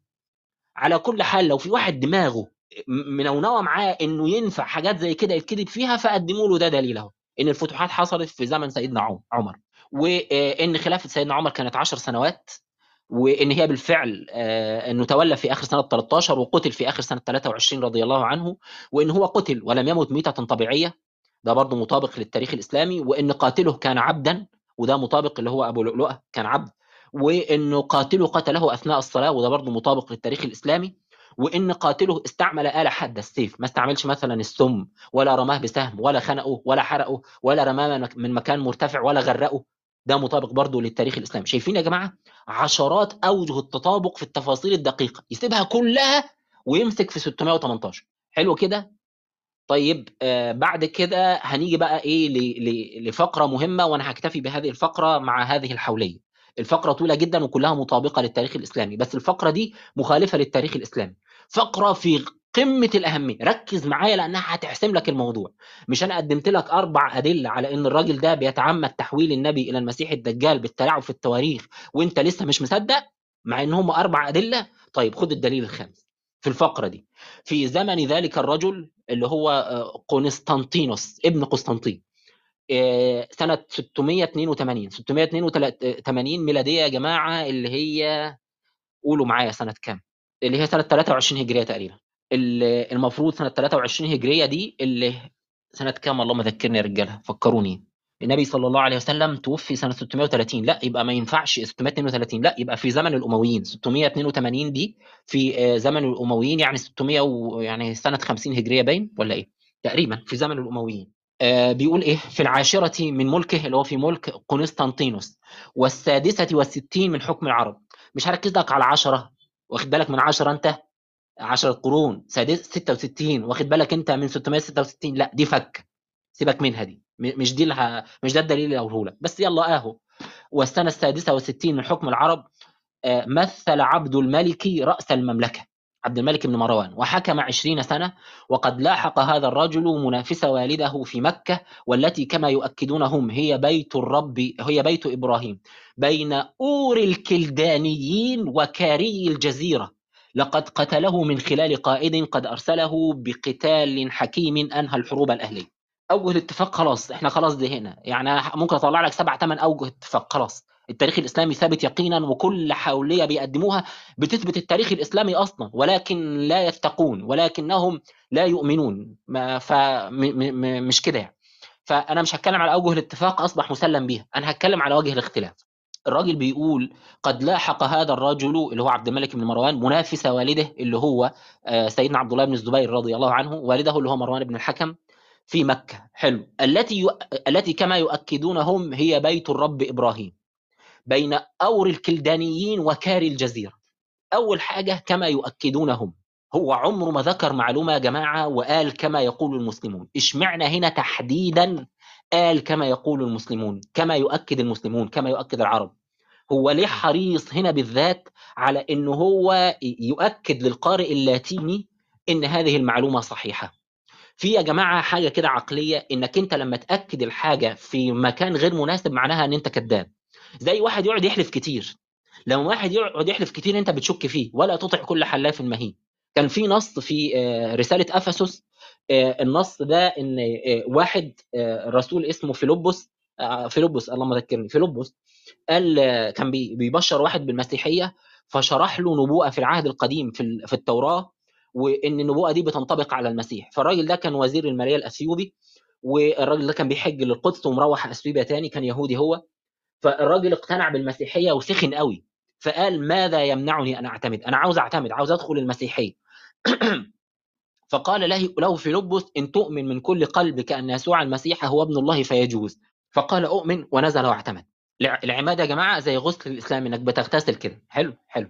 المخطوطات المبكرة كلها جميع المخطوطات لحد القرن السادس أقدم مخطوطة كل المخطوطات لحد القرن السادس بتقرأ النص كالآتي. إن الراجل لما سمع الكلام قال ماذا يمنعني أن أعتمد فنزل واعتمد. ما فيهاش المقطع اللي بيقول إن تؤمن من كل قلبك أن يسوع المسيح هو ابن الله فيجوز فقال أؤمن فنزل وأعتمد. اللي هو مسألة الإيمان دي مش موجودة. أقدم مخطوطة بتحتوي على ال- الإيمان ده كودكس لوديانوس من القرن السادس. حلو كده؟ طيب باتفاق علماء المخطوطات وعلماء النقد النصي النص ده مزور على جميع المدارس النقدية وإن تم تزويره عمدا لهدف مقصود. عارفين الهدف المقصود ده إيه؟ في المسيحية أنت ما ينفعش تعتمد قبل ما تؤمن. النص بيقول من آمن واعتمد خلص. يعني هل أنت ينفع في الإسلام تغتسل غسل الإسلام قبل ما تشهد الشهادتين؟ لازم تشهد الشهادتين الأول بعد كده تغتسل غسل الإسلام وتتوضأ وهكذا. هو نفس الكلام. فلما لقوا النص فيه مشكلة عقائدية إن الراجل بيقول ماذا يمنعني أن أغتسل غسل المسيحية؟ فنزل واغتسل غسل المسيحية. والرسول فيلبس قاعد ما بيعملوش أي حاجة فأضافوا المقطع. إن تؤمن من كل قلبك أن يسوع المسيح هو ابن الله فيجوز. قال أؤمن ونزل واعتزل واعتمد. الشاهد من الكلام إيه؟ إن المخطوطات اللاتينية برضو أضافت هذه الإضافة. إن تؤمن من كل قلبك. واخد بالك أنت من عبارة من كل قلبك؟ ما كنت ما كنت تقول إن تؤمن أن يسوع المسيح هو ابن الله فيجوز وخلاص. أنت ليه لازم تضيف عبارة من كل قلبك؟ هو الراجل شاكك في نفسه هو عاوز يأكد صحة المعلومة ولم يطلب منه أحد إنه يأكد المعلومة زي بالظبط لما أقول لكم أقسم بالله العظيم إن الكوباية قدامي. هو في حد فيكم كان عنده شك إن الكوباية قدامي؟ لو أنا قلت لكم دلوقتي أقسم بالله العظيم أن الكوبة أمامي هتقولوا لي طب وأنت بتحلف ليه؟ هيبقى أمر غريب اللي بيؤكد ولا تحين تأكيد. يبقى غلطان مش مكان تأكيد عشان تأكد. الشيء بالشيء يذكر. عارفين الآية اللي هي بتقول ربنا بيقول فيها لسيدنا موسى آه، آه، لما سيدنا موسى اتفاجئ بإن في نور ونار وقال له إيه؟ آه، إنني أنا الله لا إله إلا أنا فاعبدني. أكدها له بنون التوكيد. ما قالوش إني أنا الله لا إله. قال له إنني أنا الله لا إله. عشان موسى شاكك. موسى لسه مش عارف هو مين اللي قدامه. هل ده جن ولا شيطان؟ هو إيه؟ لسه موسى أول مرة في حياته يكلم ربنا.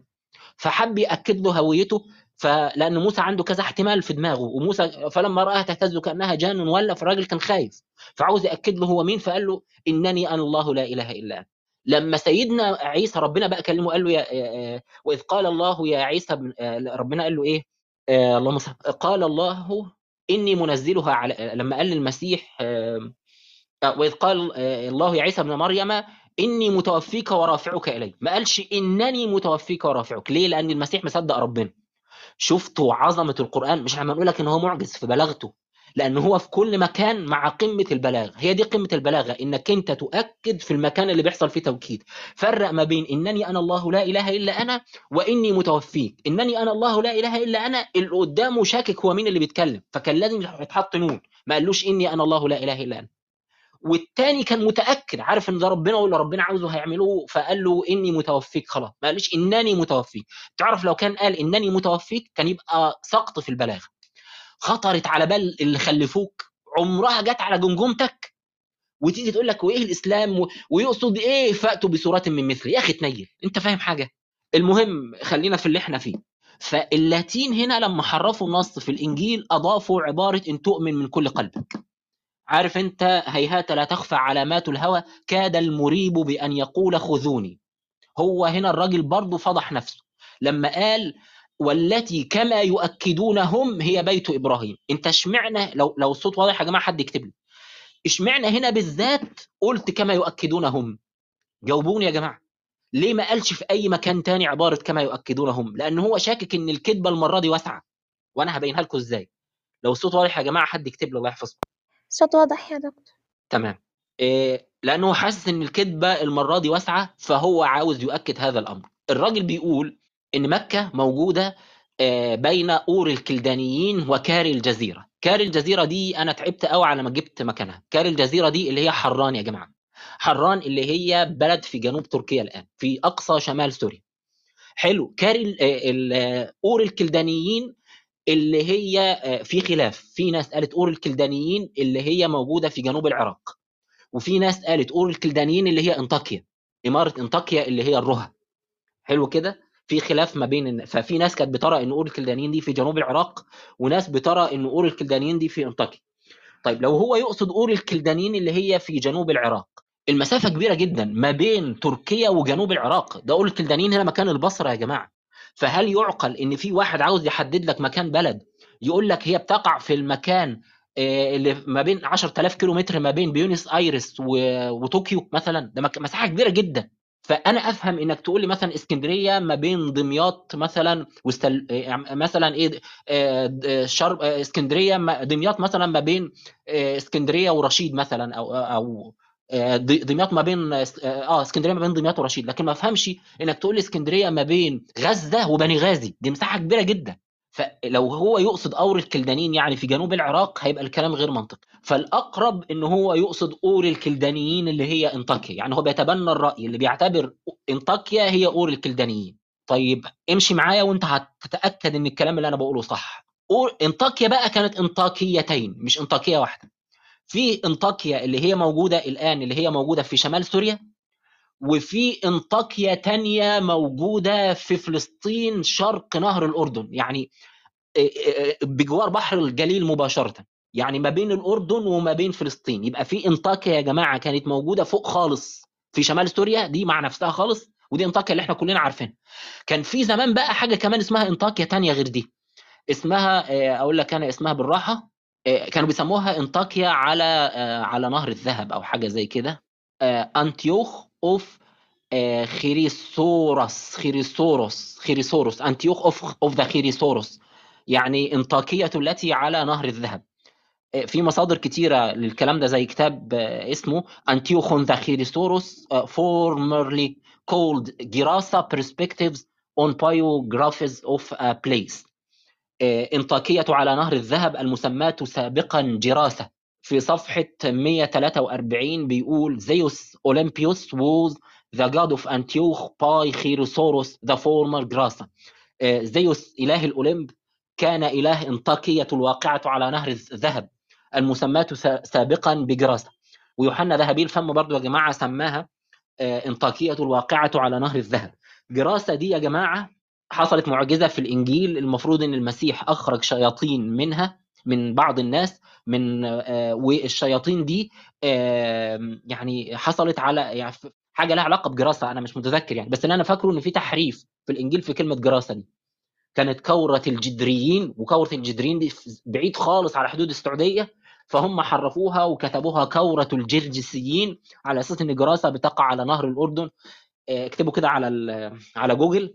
كورة الجدريين أم كورة الجرجسيين؟ حصل تحريف برضو في المكان. ما بيسيبوش الأماكن والله العظيم الله المستعان. ما علينا.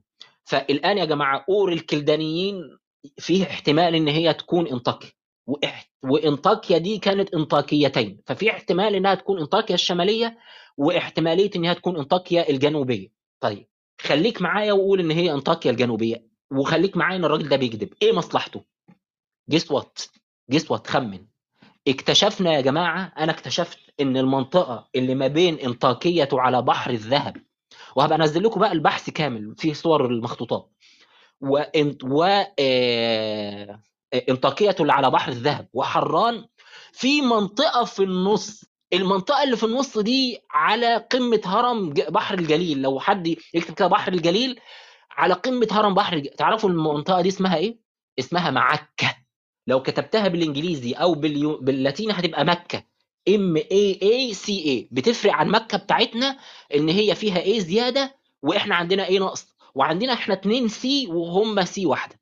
الراجل تعمد إنه يخلط ما بين مكة ومعكة بيت أبيل. في منطقة اسمها معكة بيت أبيل بتقع في شمال بحر الجليل في المنطقة الفاصلة بين إنطاكية بحر الذهب وبين حران. طيب إيه فايدته من هذا الأمر؟ ليه حرف وخلى ضحك على الناس واستغل التشابه اللي ما بين مكة ومعكة إن هي باللاتيني هيبقوا الاثنين شبه بعض؟ عشان إيه؟ جيس وات سبط دان بيقع بيقع في منطقة معك سبط دان بيقع في منطقة معك. طيب كسبنا صلاة النبي. إيه إيه دان اللي بيقع في منطقة معك؟ كماله دان. دان يا جماعة هو اللي هيجي من سبطه المسيح الدجال. الناس المؤمنة ب- ضد المسيح بيقولوا إنه سيأتي من سبط دان. سبط دان ده من الأسباط ال 12 بس سبط مغضوب عليه وغادر وعاش في شمال سوريا في منطقه في بلد غير اسمها وأصبح اسمها دان. فهمتوا يا جماعة؟ الراجل استغل التشابه ما بين مكة ومعكة عشان خاطر يقول ان هو جاي من منطقة اسمها معكة بتقع ما بين حران وإنطاكية وبحر الذهب. عشان معكة دي المحافظة أو الإمارة أو الولاية اللي فيها مدينة دان اللي فيها سبط دان اللي هيجي منه المسيح الدجال. المسيح الدجال هيجي من سبط دان. في في الحقبة السابعة وله عشرة قرون ورمزه 666 فخلى الراجل مكة هي معكة في عقر دار سبط دان وخلى حركاته العسكرية في السنة السابعة من من آه، آه، سيبستوس والسنة السابعة من هرقل وخلى اختار مدة الملك بتاعه 10 سنين وخلى موت وسنة 628 عشان توافق 666 اللي هو رمز المسيح الدجال. ولسه لحد دلوقتي مش مصدق إن تم تحويله لدجال عمدا. الكلام ده مش هتلاقيه في أي حتة. الراجل بمنتهى الخبث غير مكانها وغير تاريخ الفتوحات وغير تاريخ الوفاة وهتجد إن كل شيء بيتقاطع. يعني مش هتلاقي إن أنا متكلف هتلاقي المسائل آه، بتتقاطع. أنا طولت طبعا في خمس دقايق هقول مثالين اتنين تانيين لمؤرخين اتنين تانيين عشان تعرفوا إن ده منهج لاتيني. ده ما كانش هذا الرجل بس. وهنهي على كده. وطبعا الموضوع ده سلسلة طويلة هت- هتطول. في القرن ال 12 يا جماعة في ثلاث مؤرخين كتبوا ثلاث أعمال. القرن ال 12 اللي هو القرن الكام القرن الخامس ال- الهجري. آه، كاتب اسمه هوجو اسقف فلوري ليه كتاب اسمه Historia Ecclesiastica سنة آه، 1110 كان من فرنسا هو. ومؤرخ تاني برضه من فرنسا برضه من نفس الفترة سنة 1137 كان اسمه جوتا. ليه آه، اسقف كامبين. ليه كتاب اسمه آه، Otia آه، de Machomete by جوتا of كامبين. يعني شؤون محمد لجوتا أسقف كامبين. المؤرخ الثالث كان من نفس الفترة ومن نفس البلد من فرنسا برضه كتب سنة 1118 اسمه آه، راؤول أسقف كان. آه، آه، Gesta Tancredi by راؤول of كين. أعماله تنكريد أسقف كان. أول حاجة هوجو أنا هذكرها لكم كده إيه سريعا لأن إحنا طولنا وبعد كده التفاصيل ممكن في وقت تاني. هوجو ده كان راجل أمين نسبيا يعني مقارنة بغيره. محمد صلى الله عليه وسلم عند هوجو طبعا ده يا جماعة ده راجل من القرن ال ال 12 الميلادي. يعني الراجل ده ملوش أي 30 لازمة من الناحية العلمية. هتجدوا إن اللي قالوا إن محمد جاي من خراسان واخد من هوجو طيب هو إيه لازمة هوجو في الدنيا؟ ده راجل من القرن الخامس الميلادي. أنت ممكن تجيب لي ناس شهود عيان مثلا. إنما تجيب لي واحد من القرن الخامس؟ ولا أنا غلطان يا جماعة. مش منطقي. هو استعمل هوجو ليه؟ عشان هو بيخدم أحلامه وطموحاته مش عشان هوجو له قيمة. وهتشوف الموضوع ده. هوجو أصلا ما قالش إن هو من خراسان ولا حاجة.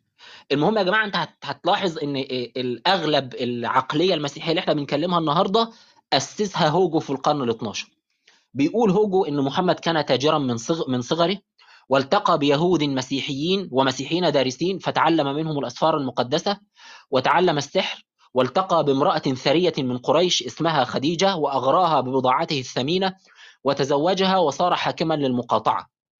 وأتباعه هاجموا الإمبراطورية البيزنطية يعني في حياته. وأصيب بنوبات صرع وأقنع زوجته أنها من الوحي بواسطة جبريل. كم مرة سمعتوا الموضوع ده النهارده؟ الكلام ده متقال من ألف سنة إن هو بيجيله نوبات صرع.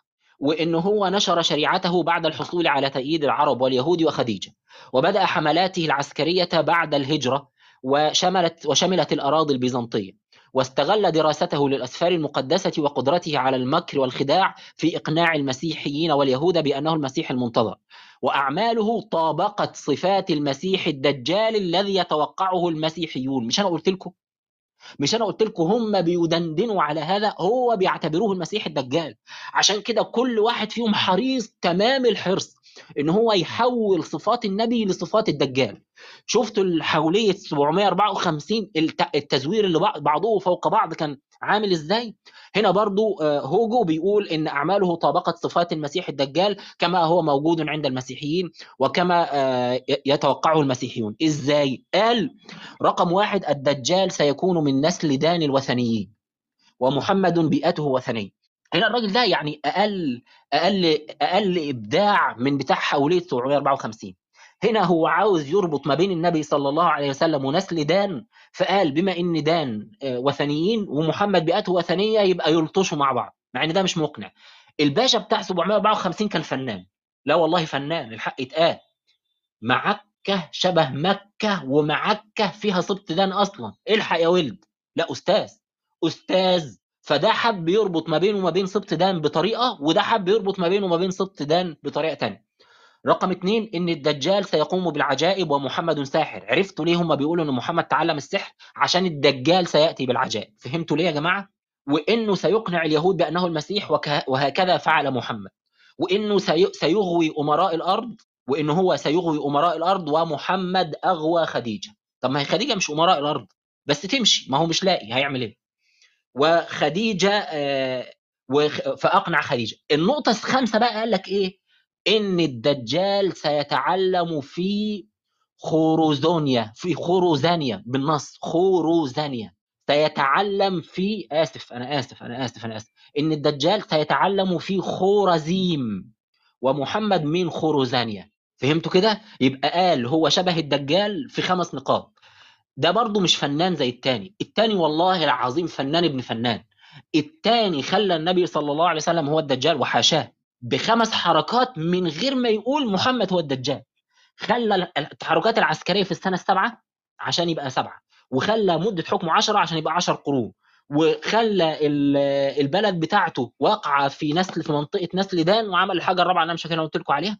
المهم ما جابهاش مباشرة ما جابهاش مباشرة فنان. إنما قال لك محمد يشبه الدجال من خمس نقاط. انت غلبان اتعلم من بتاع سنة 754 المهم كلهم عشان تتأكدوا اللي أنا بقوله لكم هم كلهم كانوا هدفهم تحويل النبي صلى الله عليه وسلم للمسيح الدجال وإلا هيصبح هو مملكة الرب اللي تكلم عنها دانيال اللي هزمت مملكة الرومان. فاهمين الموضوع مهم بالنسبة لهم إزاي؟ الموضوع مش بس إن أنت منافس عادي الإسلام مش منافس عادي الإسلام هو المنافس اللي هزم الرومان.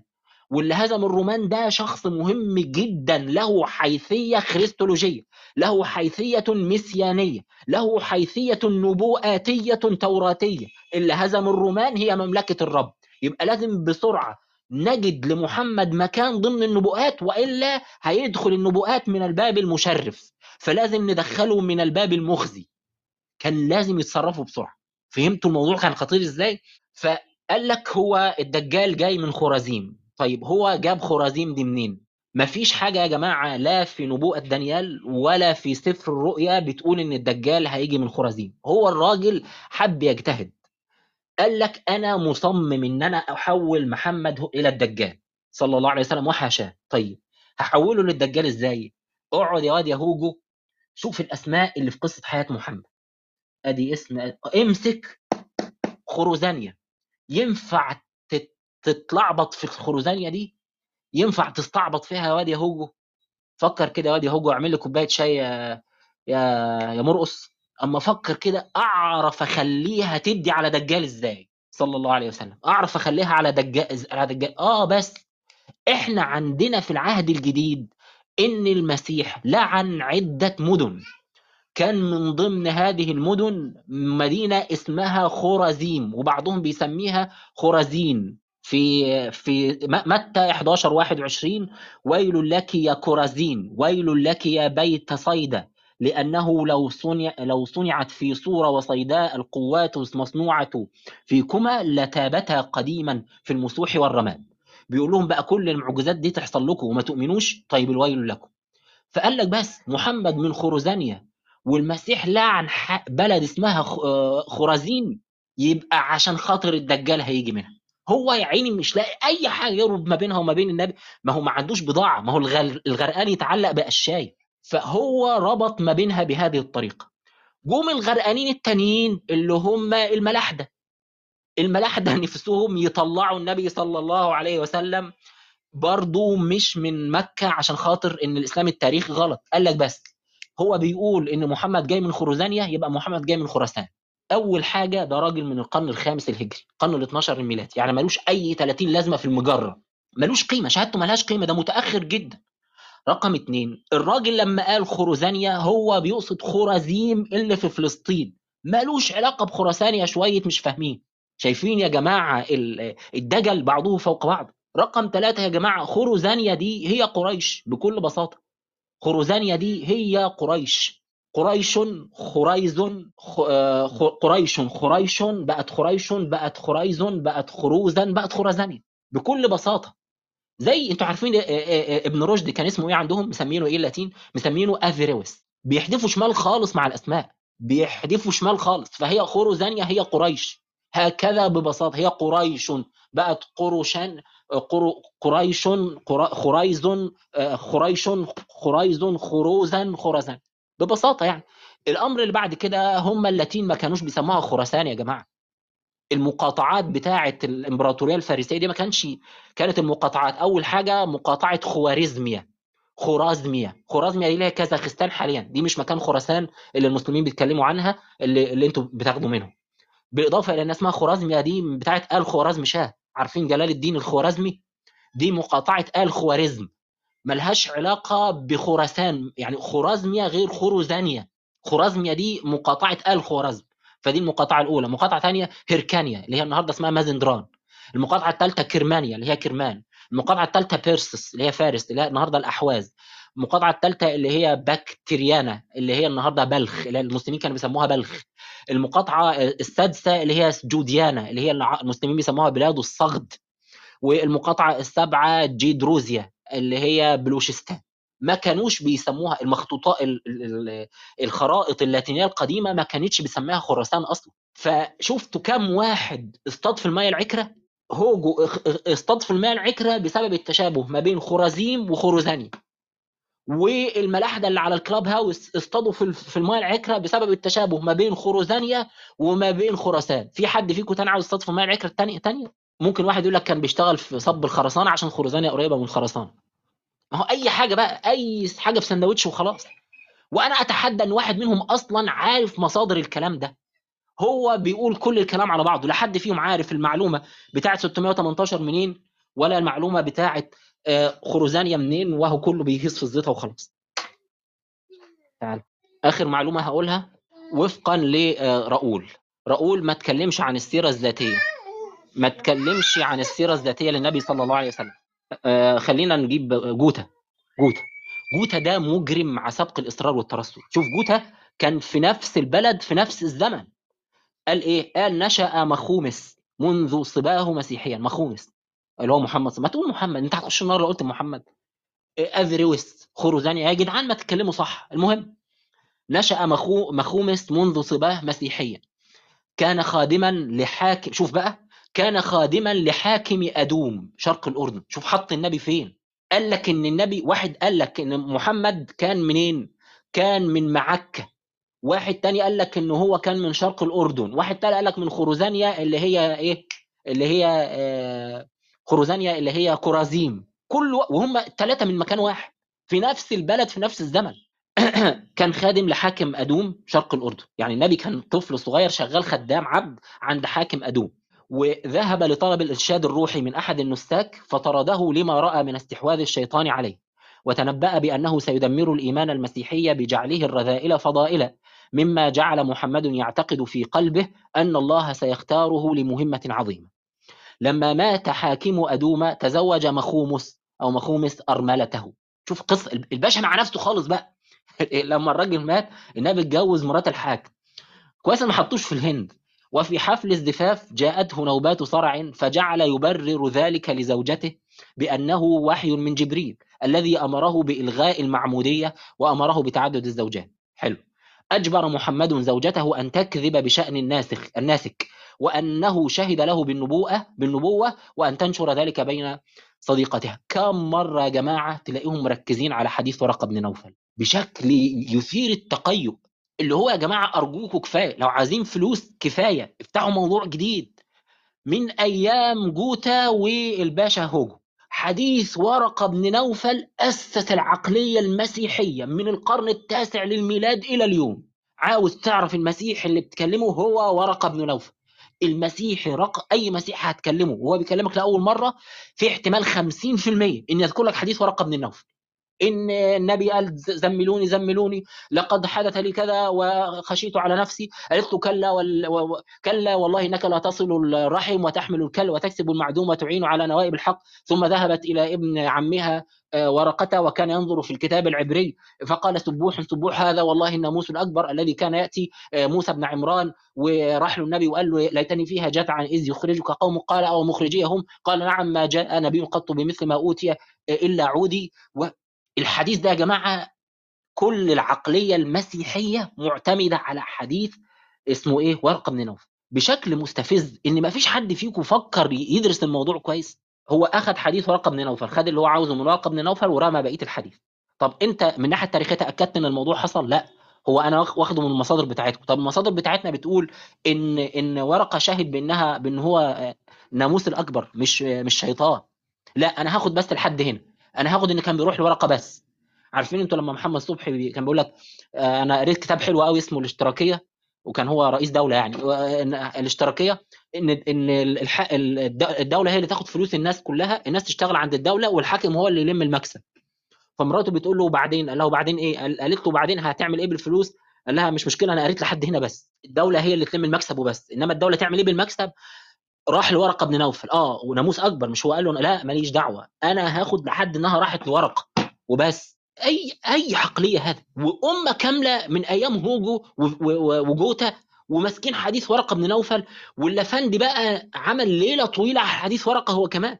إيه، إن محمد أخبر زوجته أن تكذب بشأن الناسك. وخلى الناسخ بيقول لمخومس يا مخومس أنت عليك شيطان. وامشي يا مخومس من هنا. وأنت الراجل بيقول له ليتني فيها جذعا إذ يخرجك قومك وهو بيقول له طردوا طب ما تخليك أمين يعني انقل المعلومة وكذبها. يعني قول هم يقولون إن الراجل آمن بمحمد لكني أنا أرى أنه كذب. انقل المعلومة زي ما هي. لا هو بيحرف المعلومة نفسها. يعني الرجل ده غير أمين يقينا. المسلمين في الحديث ما قالوش هذا الكلام. كون اللي قالوه هذا فعلا حدث ولا لا ده شيء وكونهم قالوا هذا أم لا ده شيء آخر. كان يجب أن تنقله بأمان. المهم أخبرت النساء أزواجهن والذين بدورهم طلبوا دليلا من محمد فقام محمد بتدريب حمام على الأكل من أذنه. والله كده. فقام محمد بتدريب حمام على الأكل من أذنه بحيث تنزل على كتفه أثناء حديثه مع الناس وتأكل من أذنه وكأنها تخاطبه بالوحي. عارفين هو ليه اختار القصة دي بالذات؟ لأن هم بيعملوها في الكنيسة كل يوم. في حاجة بتشكل الوجدان المسيحي موضوع الحمام أثناء المواعظ. إنك تجيب لي حمامة أثناء الموعظة جلدي أشعر على طول. يعني إحنا عندنا في الإسلام نذكر مثلا عظمة الله والتقصير في جنب الله جلدنا يشعر. نقرأ قرآن جلدك اشعر حمامة جلده يشعر. مؤثرة جدا ومؤثرة في وجدان المسيحي لدرجة أنت لا تتخيل. لأن عندهم في المسيحية إن المسيح عليه السلام وهو بيتعمد في نهر الأردن نزل له روح القدس على هيئة جسمية كشبه حمامة وقال هذا هو ابن الحبيب أنا اليوم ولدتك. النص عندهم بيقول هذا هو ابن الحبيب الذي به سررت النص ده محرف. مخطوطات الأقدم بتقول أنا اليوم ولدتك. وتم تحريف النص لأنه بيخدم عقائد البنويين اللي هم قالوا إن المسيح ابن الله بالتبني أنا اليوم ولدتك. تبناه يوم المعمودية مش منذ الأزل. المهم الشاهد إن كان حاجة عظيمة جدا حلول الروح القدس على المسيح على شبه حمام. اكتب كده بقى في جوجل كده موعظة الأب فلان وظهور حمامة. اكتب موعظة شوف فرح فرح الأب فلان بي بي بي- بيوعظ الكاهن فلان بيوعظ القسيس فلان بيوعظ تقوم تنزل له حمامة. ممكن يكون تنزل له حمامة وهم عارفين إن هم اللي منزلينها يعني مش معجزة. بس عشان تثير الروحانيات في النفوس يعني إحنا كمسلمين عاوز تثير الروحانيات نذكر الناس بما فرطوا في جنب الله. أن تقول نفس, نفس يا حسرة على ما فرطت في جنب الله وإن كنت لمن الساخرين. أو تقول لو أن الله هداني لكنت من المتقين. أو تقول حين ترى العذاب لو أن لي كرة فأكون من المتقين. اللهم ذكرني. بلى قد جاءتك آياتي فكذبت بها واستكبرت وكنت من الكافرين. ويوم القيامة ترى الذين كذبوا على الله وجوههم مسودة. أليس في جهنم؟ إلى آخر الآيات. أنت عاوز توعظ واحد؟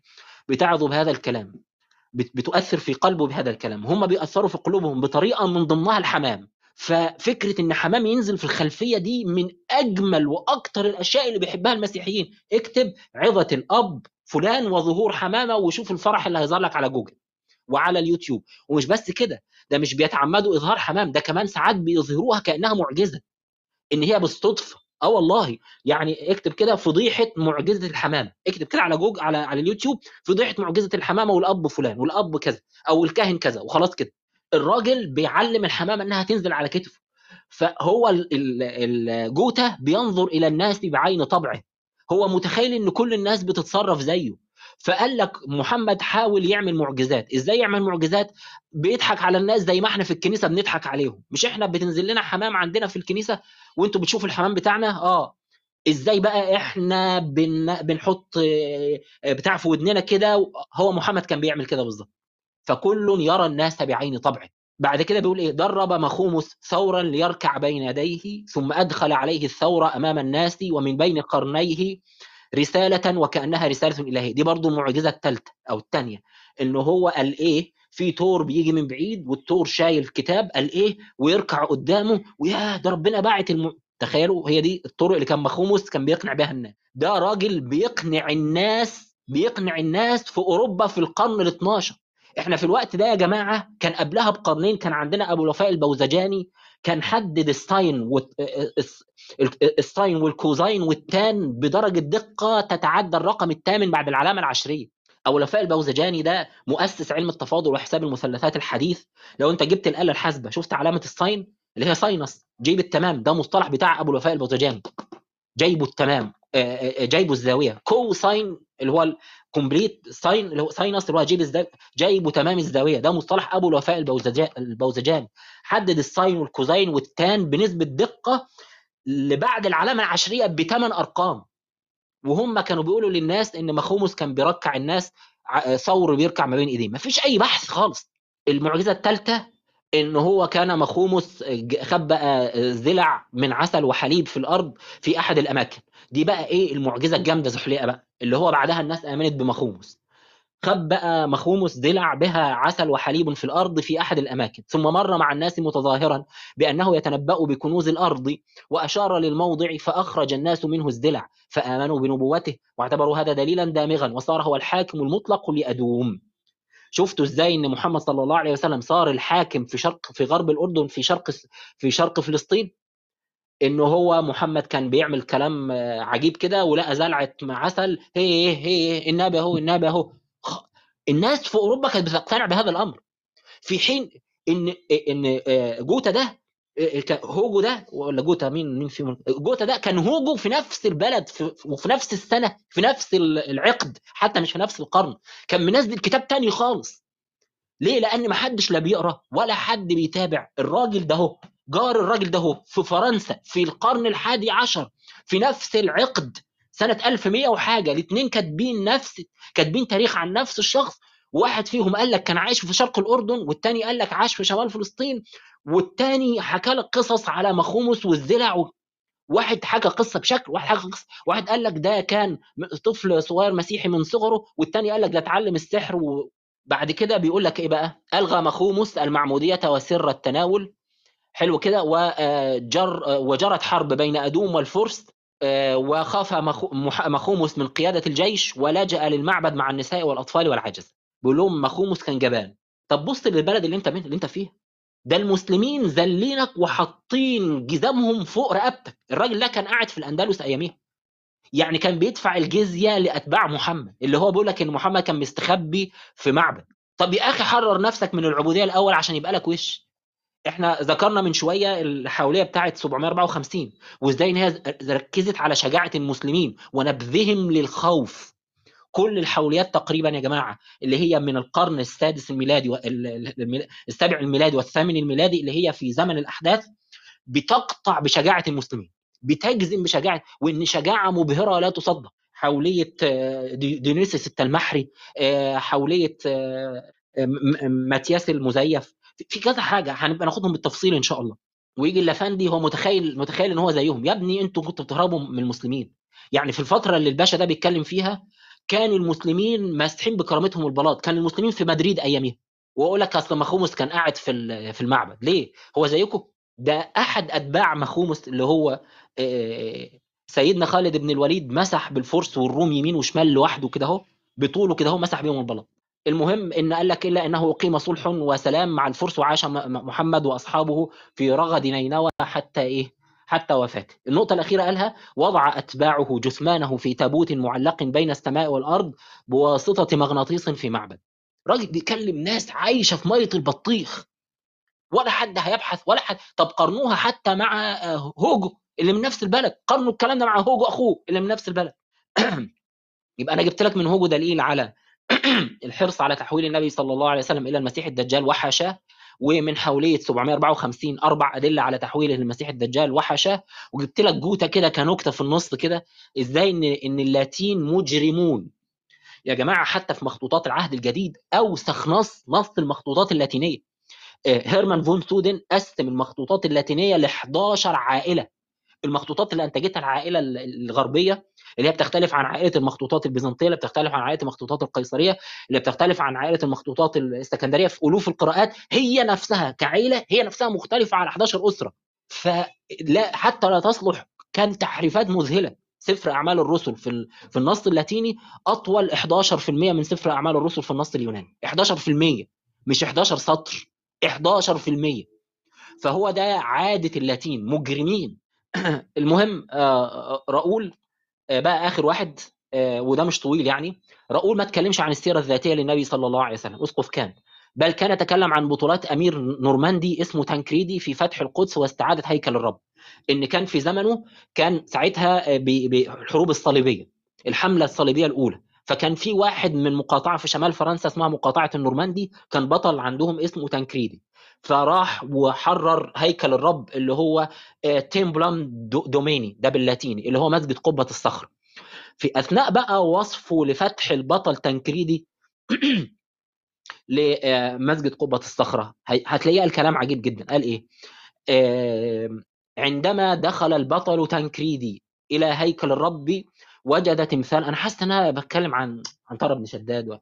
عندما دخل البطل تنكريدي إلى هيكل الرب وجد تمثالا عظيما مرتفعا مرصعا بالأحجار الثمينة وملفوفا بالأرجوان.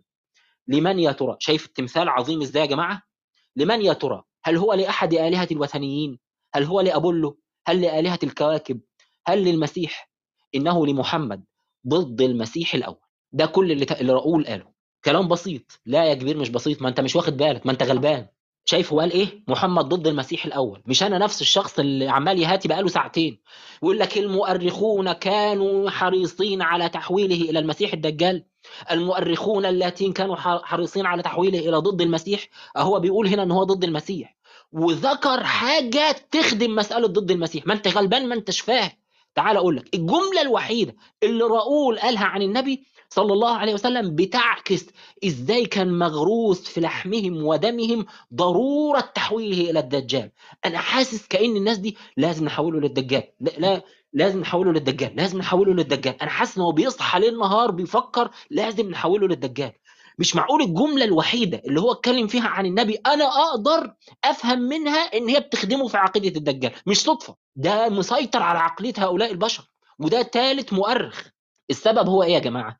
السبب في تسالونيك الثانية واحد أربعة. بيقول آه، بولس ثم نسألكم أيها الإخوة من جهة من جهة مجيء ربنا يسوع المسيح واجتماعنا إليه.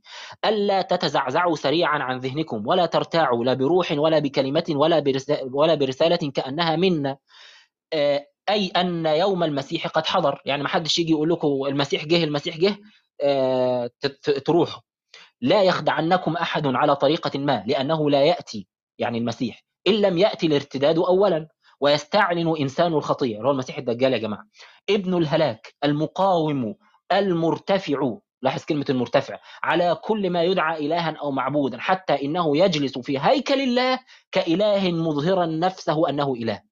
يبقى المسيح الدجال ابن الهلاك لازم هيجلس فين؟ في هيكل الله كإله مظهرا نفسه كإله. فهمت ليه هو حط النبي صلى الله عليه وسلم تمثالا ضخما كإله في هيكل الرب في التمبلوم دوميني؟ فهمت إنها ما كانتش صدفة؟ لازم محمد يقعد في هيكل الرب. لو ما قعدش بجسمه هنجيب له تمثال يقعد مكانه. ولازم التمثال يبقى شبه الأصنام. أنت كنت متخيل إن راؤول لما كان بيقول هل هذا التمثال لأحد الوثنيين؟ لأحد آلهة الوثنيين؟ كنت متخيل إن راؤول بيستعبط. كنت متخيل إن راؤول غلبان. راؤول عاوز يلفت نظرك ويقول ده هو تمثال شبه آلهة الوثنيين فهو تمثال إله لقد كانوا يؤلهون محمدا. فهمت؟ هل هو للإله ابولو هل هو لآلهة الكواكب؟ هل هو للإله المسيح؟ لا ده إنه لمحمد. اللي هو ده محمد معمول له تمثال شبه تماثيل آه، الوثنيين عشان يجلس في هيكل الله مظهرا نفسه كإله. أنا كده خلصت. مش مسموح بقى لحد بعد النهاردة يجيب سيرة الفتوحات الإسلامية قبل 15 سنة من التاريخ بتاعكم. مش مسموح لحد بعد النهاردة إنه يقول إن النبي بتاعكم كان جاي من خراسان. مش مسموح لحد بعد النهاردة إنه يقول إن مكة كانت في الشام. أظن أنا فصلت لحضراتكم المساله تفصيل مش هتلاقوه في أي حتة بفضل الله عز وجل. مفيش حد قدر يشرح سبب الخلاف ما بين حوالي 754 والتاريخ الإسلامي في بعض التفاصيل.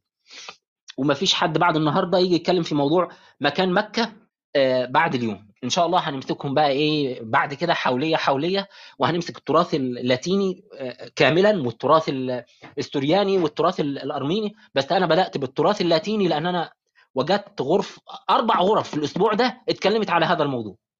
ولو فيكم ذكر حابب يتكلم في الموضوع ده يوريني نفسه. من الناس اللي عملت دوشة طول الأسبوع ده في كل الغرف. لو في حد حابب يتكلم في محمد الخراساني أو مكة الشامية يوريني نفسه. أو الإسلام اللي هو الفتوحات بتاعت سنة 618 أو غيرها. بس على الأقل هؤلاء يعني. لو حابة على أختي أو حد حابب يعلق الله يحفظك. ما شاء الله تبارك الله يا دكتور. حاجة طيبة ربنا ينفع بيكم يا رب. آه، بس بقترح لو لو حضرتك هتفتح يعني باب لل- للمداخلات ممكن لو لو ينفع غرفة تانية بحيث إن المحاضرة تبقى هنا في وقت محدود يعني لو حد حابب يسمعها. طيب عشان أنا كمان تعبت آه، جزاكم الله خير. ربنا يحفظك يا أختي. ربنا يكرمك يا اخو سبحانك اللهم وبحمدك أشهد أن لا إله إلا أنت أستغفرك وأتوب إليك. السلام عليكم.